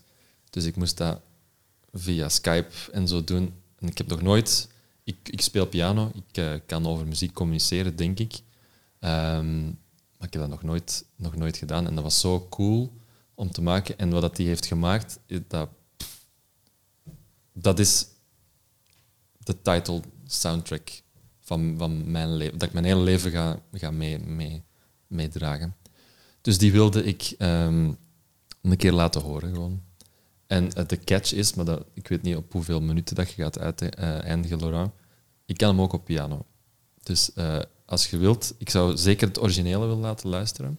Uh, en als je een einde van je podcast wilt uitdimmen, dan speel ik die graag ook eens.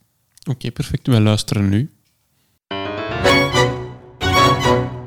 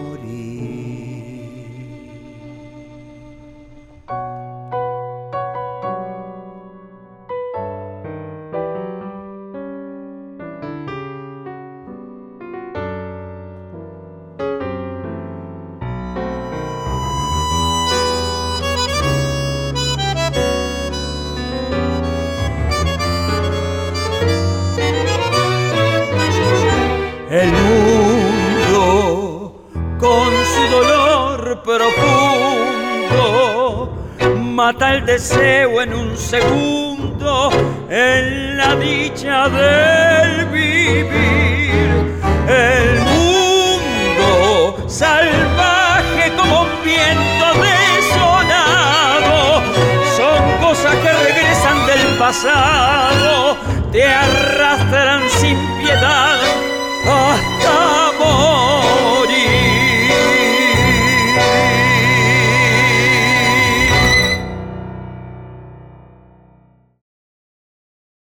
Um, en dan gaan we inderdaad uh, eindigen met een streepje piano. Goed. Uh, maar voordat we dat doen, uh, rest er ons nog heel wat. Namelijk, um, voor we naar het ding van de week gaan, introduceer ik een nieuw segmentje. Oh god, no. Ja. En dat, dat is Lolo's biertje. Dat hij ah, mee heeft. Lolo's biertje. ja, ja, ik pak hem, ik pak hem.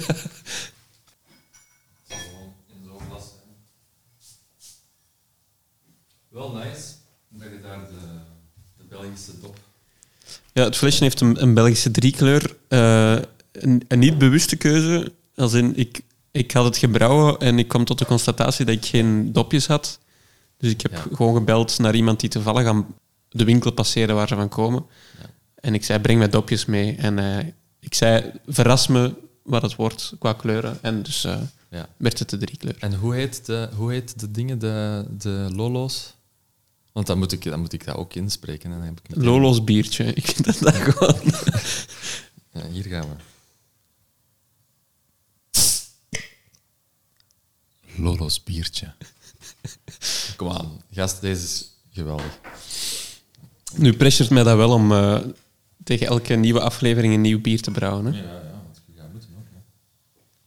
En eh, vertel er eens dan wat over. Het, het eh, schuimt Ja, heel hard. Genoeg.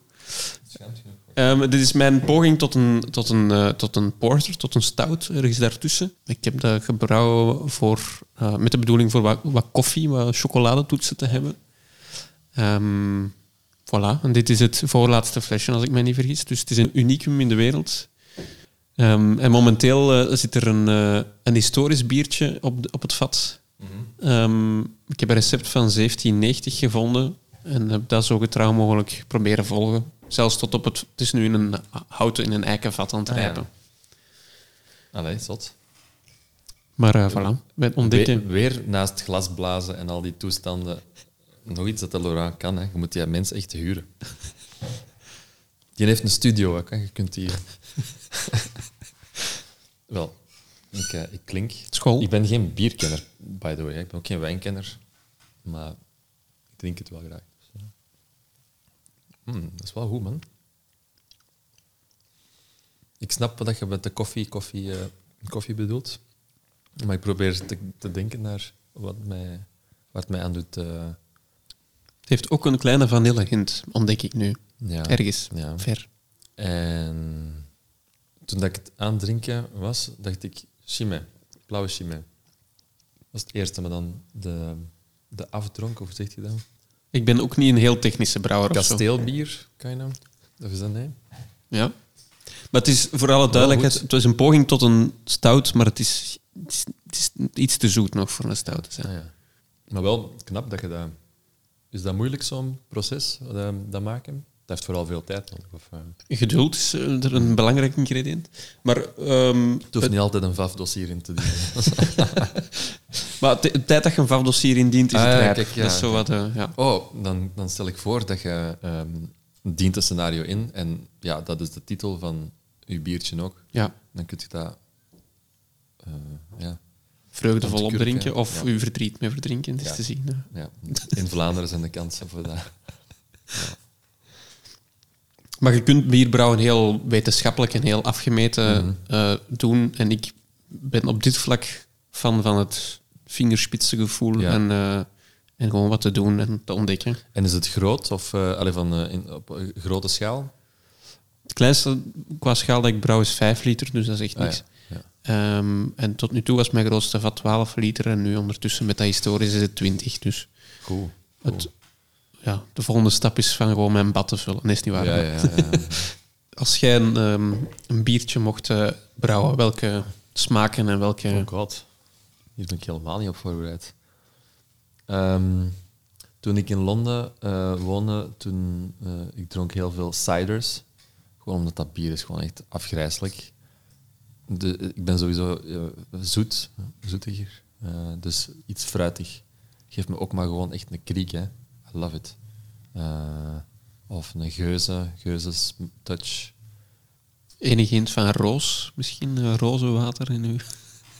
Gember meer. Gember? ja, ja, ginger. Ah, ik heb een, eh, mijn, Belgian- ander biertje, Belgian ginger. de- de- mijn ander biertje zou de Belgian Ginger kunnen zijn. oh, yo. Ja. Ik heb een, een zomerbiertje gemaakt met gember en, ehm, en citroen. Gewoon heel Ah, fris, ja. Voilà. richting Weissbier een beetje, maar dan met Ah, gember. Ja. Ja, dan moeten we- ik ben graag kandidaat voor aflevering 15. Dan komt zo. maar. bij deze geboekt. Ik heb ooit cider proberen maken, Mhm. omdat er eh, ja, vrienden aan een grote oogst appels en ik dacht, ik ga mij daar niet over inlezen, ik ga dat gewoon doen. Gewoon knallen. Gewoon knallen en dus eh, echt een nest aan appels geperst, dat het geen naam heeft, want een appel is niet zo makkelijk te persen, dus ik heb Nee. daar echt een nacht over gedaan, bijna. Met mijn vader ook dan nog. Ehm, ja, maar die mens en- sleurt in alles mee. Hè. Nee, kun jij mijn decor maken? Kun jij mijn studio bouwen? Blaas jij mijn glas? perste jij met mij wat appels. Ja. Ik zie ons daar nog eh, op het terras liggen, een keukenhanddoek met appels in samen crushen Ja, en wringen. Ehm, en dat is uiteindelijk niet zo geslaagd geworden voor het hoeveelheid werk dat erin zit, want het is zo wat spa met een smaakje. Zo. Ja, ja, ja. Ehm, maar met heel veel gas. Dus ja. als je die fles open doet, dan hangt 90% tegen je plafond en dan kunnen nog Ah, die 10% negusteren. Cool. Ja, iets minder geslaagd. Maar Wat is, het volgende naast het, na, na het bierbrouwen? van Wat is, eh, wat is de volgende passie dat je... wilde ambacht die ik, Eh, eh, wilde ambacht, ja. die ja. ik eh, onder het stof haal. Verwilderde ambacht. Ja. ja. Ehm, ik ben momenteel historisch aan het naaien. Historisch aan het naaien. Ja, dus alles met de hand volgens eh, originele ah, ja. patronen. Ehm, en dat vraagt cool. veel tijd en mijn vingers zien er vanaf. Ik weet niet of dat je kunt zien, maar Ah, ja, ja, ja. mijn, eh, mijn eh, wijze middelvinger van mijn linkerhand zijn geperforeerd. Mhm. Van het, ja, dat is eh, waar ik mij ook mee bezig hou. Tof. Kijk, wederom een veelzijdige ehm, man. Want op het moment van opname is het volgende week de slag bij Waterloo die herdacht wordt. Dus Ah, alles naar aanloop Ah, daar. natuurlijk. Ja, ja. Ja, vet. Dat is cool. Tot zover mijn geïmproviseerd nieuwssegmentje van Lolo's Biertje. Lola's Ehm, dan eh, komen wij aan bij het eh, ding van de week. Ehm, Ja. En dat krijgt ook nog een jingle. Ik had dat niet Oh, shit, genoteerd, ja, maar ik denk het wel. Wat, wat, wat, wat hebben we hier nog? Oh. Ja, een secondje. Er is veel anticipatie hier met wat ik zie. ja. Ja, ja, zeker. Ik woon in een, eh, twee, een, eh, een duplex appartement en eh, we hebben een boven en een beneden. De keuken is boven en dus wij hebben een, eh, een belletje voor wanneer het eten klaar is. En dat wordt eigenlijk nooit gebruikt, want dat is gewoon te belachelijk voor woorden. Dus eh, dan dacht ik van, ik zal dat dan nu maar gebruiken voor... Wat, hoe, hoe heet het? Het ding van de week. Het ding van de week. Voor een of andere reden klonk dat nog als de meest legit jingle van allemaal dat ik tot Ja. nu toe op de podcast heb gehad. Ah ja, oké. Ja, misschien toch die, de, de aanzet van een... Hier zijn heel veel goede ideeën. Heel, heel veel goede ideeën ontstaan. Dimitri, wat is jouw eh, ding van de week of van de maand of iets dat je recent ontdekt hebt? Ah, wel, het, is, het is niet van de week, het is niet van de maand. eh, maar het is eigenlijk iets dat ik eh, in de aanloop naar deze podcast terug herontdekt heb. Ehm De herontdekking van de week? Letterboxd. Ja. Kent je dat? ja, daar heb ik dan net op gaan spieken van mijn laatste film. Voilà, maar dan ga ik dat ook gewoon schaamteloos nog eens een keer herhalen, want dat is eigenlijk echt cool. Maar ik heb er nu ook maandenlang weer niet op gezeten. Maar eh Letterboxd is dus een...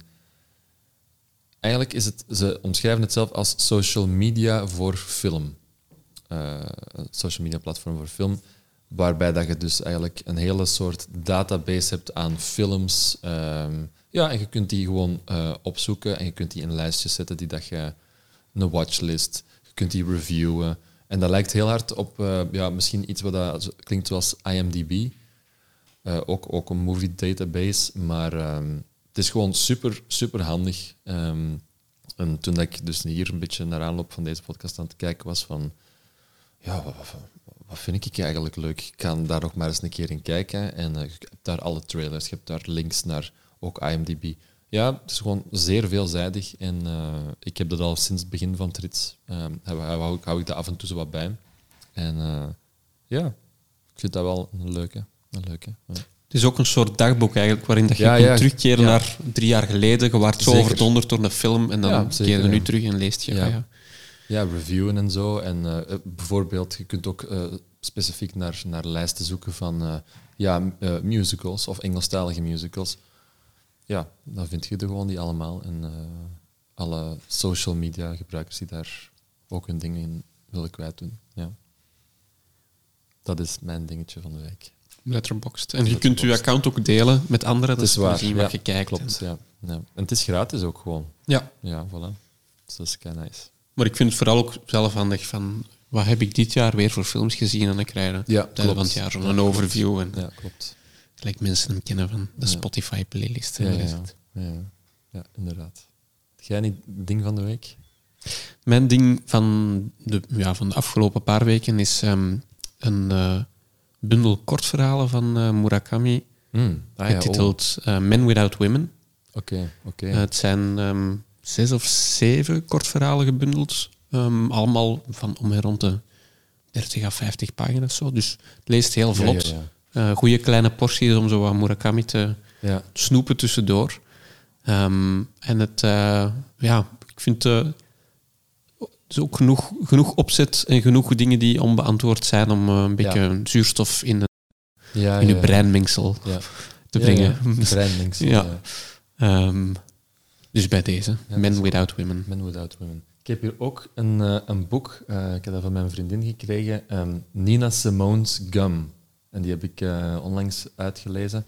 Dat is een super cool verhaal. Nina Simone, eh, ja, helemaal op de laatste dagen dat ze aan het aftakelen was.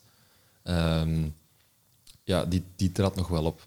Maar ja, de nukkige Nina Simone. En niemand durfde daar zo eigenlijk echt nog mee te babbelen of zo. Die, die, die, die vroeg gewoon eh, voor, voor een lijn coke en weet ik veel wat, voordat ze op de, op de stage ging.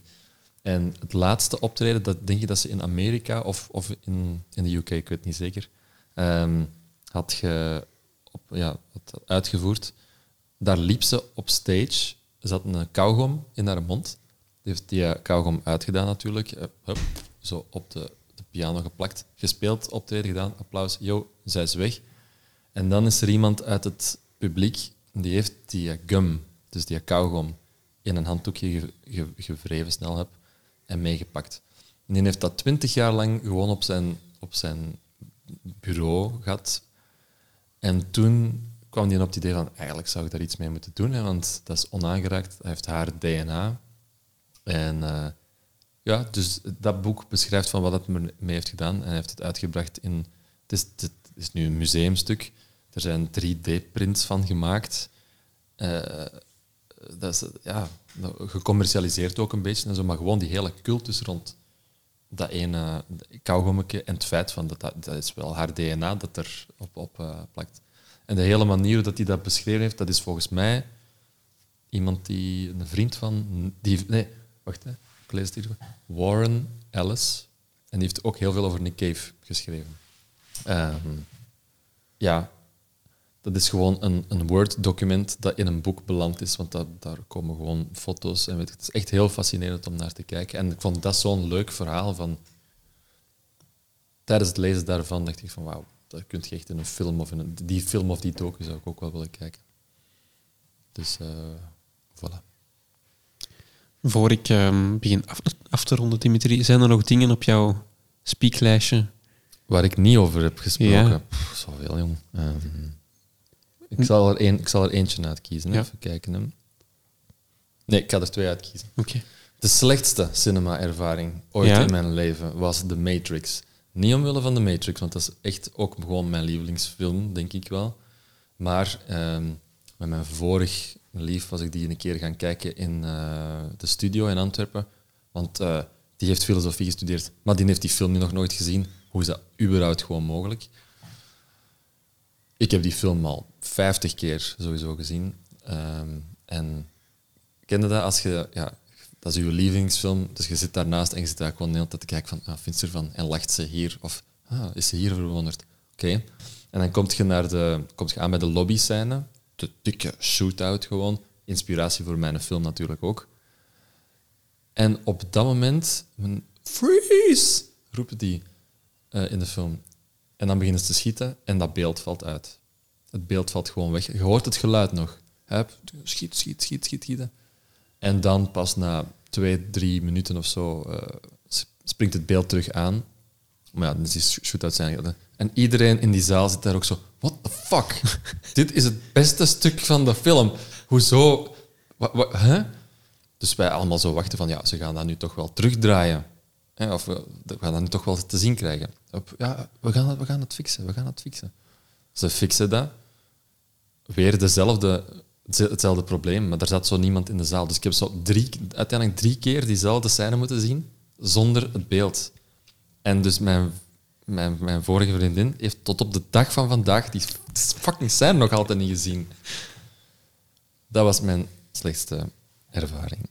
Ehm, de laatste, uh, dat was gewoon een heel coole film die ik onlangs had gezien. The Man Who Sold His Skin. Ik weet even niet van wie dat is, maar het is een, een denk een series Belgische co-productie. En het idee is gewoon supergoed. Um, het gaat over een man die zijn, um, gevraagd wordt door een kunstenaar. Die kunstenaar, dat is Koen de Bouw die dat speelt. Het is een Syrische uh, ja, vluchteling. En Koen de Bouw, dus die, dat is een kunstenaar, uh, die vraagt aan hem ik wil uh, uw rug. I want the skin on your back. Ah, oké, wat gaat je daarmee doen? Ik ga daar een kunstwerk van maken. En hij maakt daar, hij tatoeëert op die rug een, een visum. Want, uh, en, en hij zegt van, ik, ik koop uw rug en jij gaat meetoeren met mij door Europa, want ik wil uw rug displayen. De ironie van het hele ding is, in de Schengenzone en in Europa is het veel gemakkelijker om goederen te transporteren of objecten dan mensen. En hij is zo vanaf dat moment een kunstvoorwerp geworden.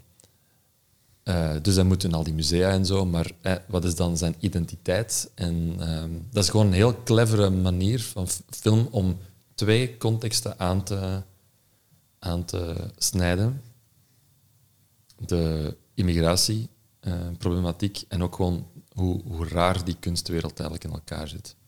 En dan zult je in de film wel kijken, zien wat er, uh, wat ermee gebeurt. Dat vond ik echt een goede een goede film. Ik lees hier dat het um, gebaseerd is op uh, het werk Tim van uh, Wim Delvoye. Ja, ja, ja, ja inderdaad. Ja. Um, Tim, Tim, Tim Delvoye-type, inderdaad. het is geregisseerd door een naam die ik mogelijk niet juist ga uitspreken maar ik ga toch een poging wagen. Kauter Ben Hanai. Ja, inderdaad. Ja. Uit 2020. Een film die totaal aan mij gepasseerd is, moet ik eerlijk toegeven. Maar zeer de moeite als je hem kunt zien. is echt... Uh, Wauw.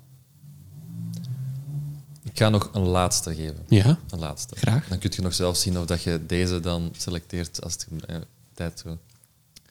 Misschien zet ik deze als aan het begin. Ik heb alle kunnen. macht. Denk ja, ik. hebt uh, Your God. Podcast God. Um, ik denk de meest um, sentiment of de, uh, de meest emotionele filmervaring die ik heb gehad was bij een kortfilm die ik heb gezien op het, uh, het Kortfilmfestival van Leuven in 2013. Ik weet dat, want ik heb dat net opgezocht, want ik wilde er echt iets over vertellen. Han, uh, Henri, een Franse film. Het gaat over een man, een pianist, en die heeft, hij is dementerend. Um, ja, en, hij zit in een soort rusthuis. Hij, gaat, hij is aan het rondlopen en je, loopt eigenlijk mee doorheen zijn herinneringen. zijn vrouw komt gepasseerd. Maar je ziet heel duidelijk van hij is, hij is dingen aan het vergeten. En het allerlaatste, de allerlaatste scène, ja, komt hij daar eigenlijk achter van. Je bent aan het verliezen.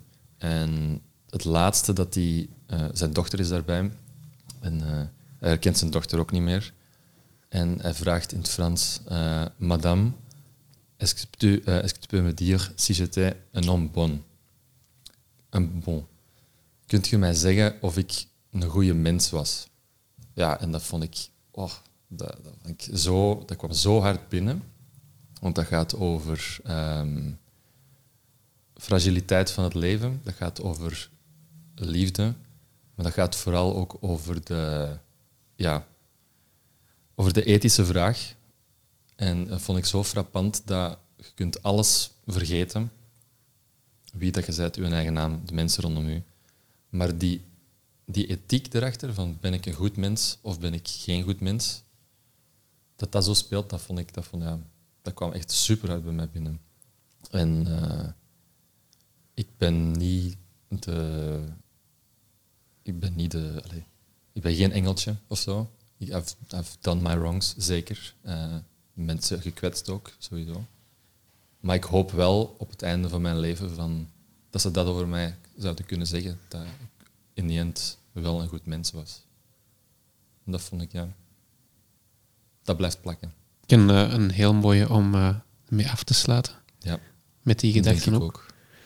Um, en dan uh, rest mij een beetje content door te zeggen waar, waar kunnen mensen jou vinden en volgen. Content, ja. Dimitri. Oh. U kan mij vinden op www.belgianginger.com. Ik ga zeker een keer naar de bio kijken. Ik, vind daar, ik heb een leuke bio geschreven. Het is iets met veel blabla. Het is veel blabla, inderdaad. Ja. Um, op de Instagram, at Belgian Ginger. Facebook, ja, je vindt mij wel, denk ik. Ik ben zeer aanspreekbaar. Um, maar gebruik gewoon niet het woord content, alsjeblieft.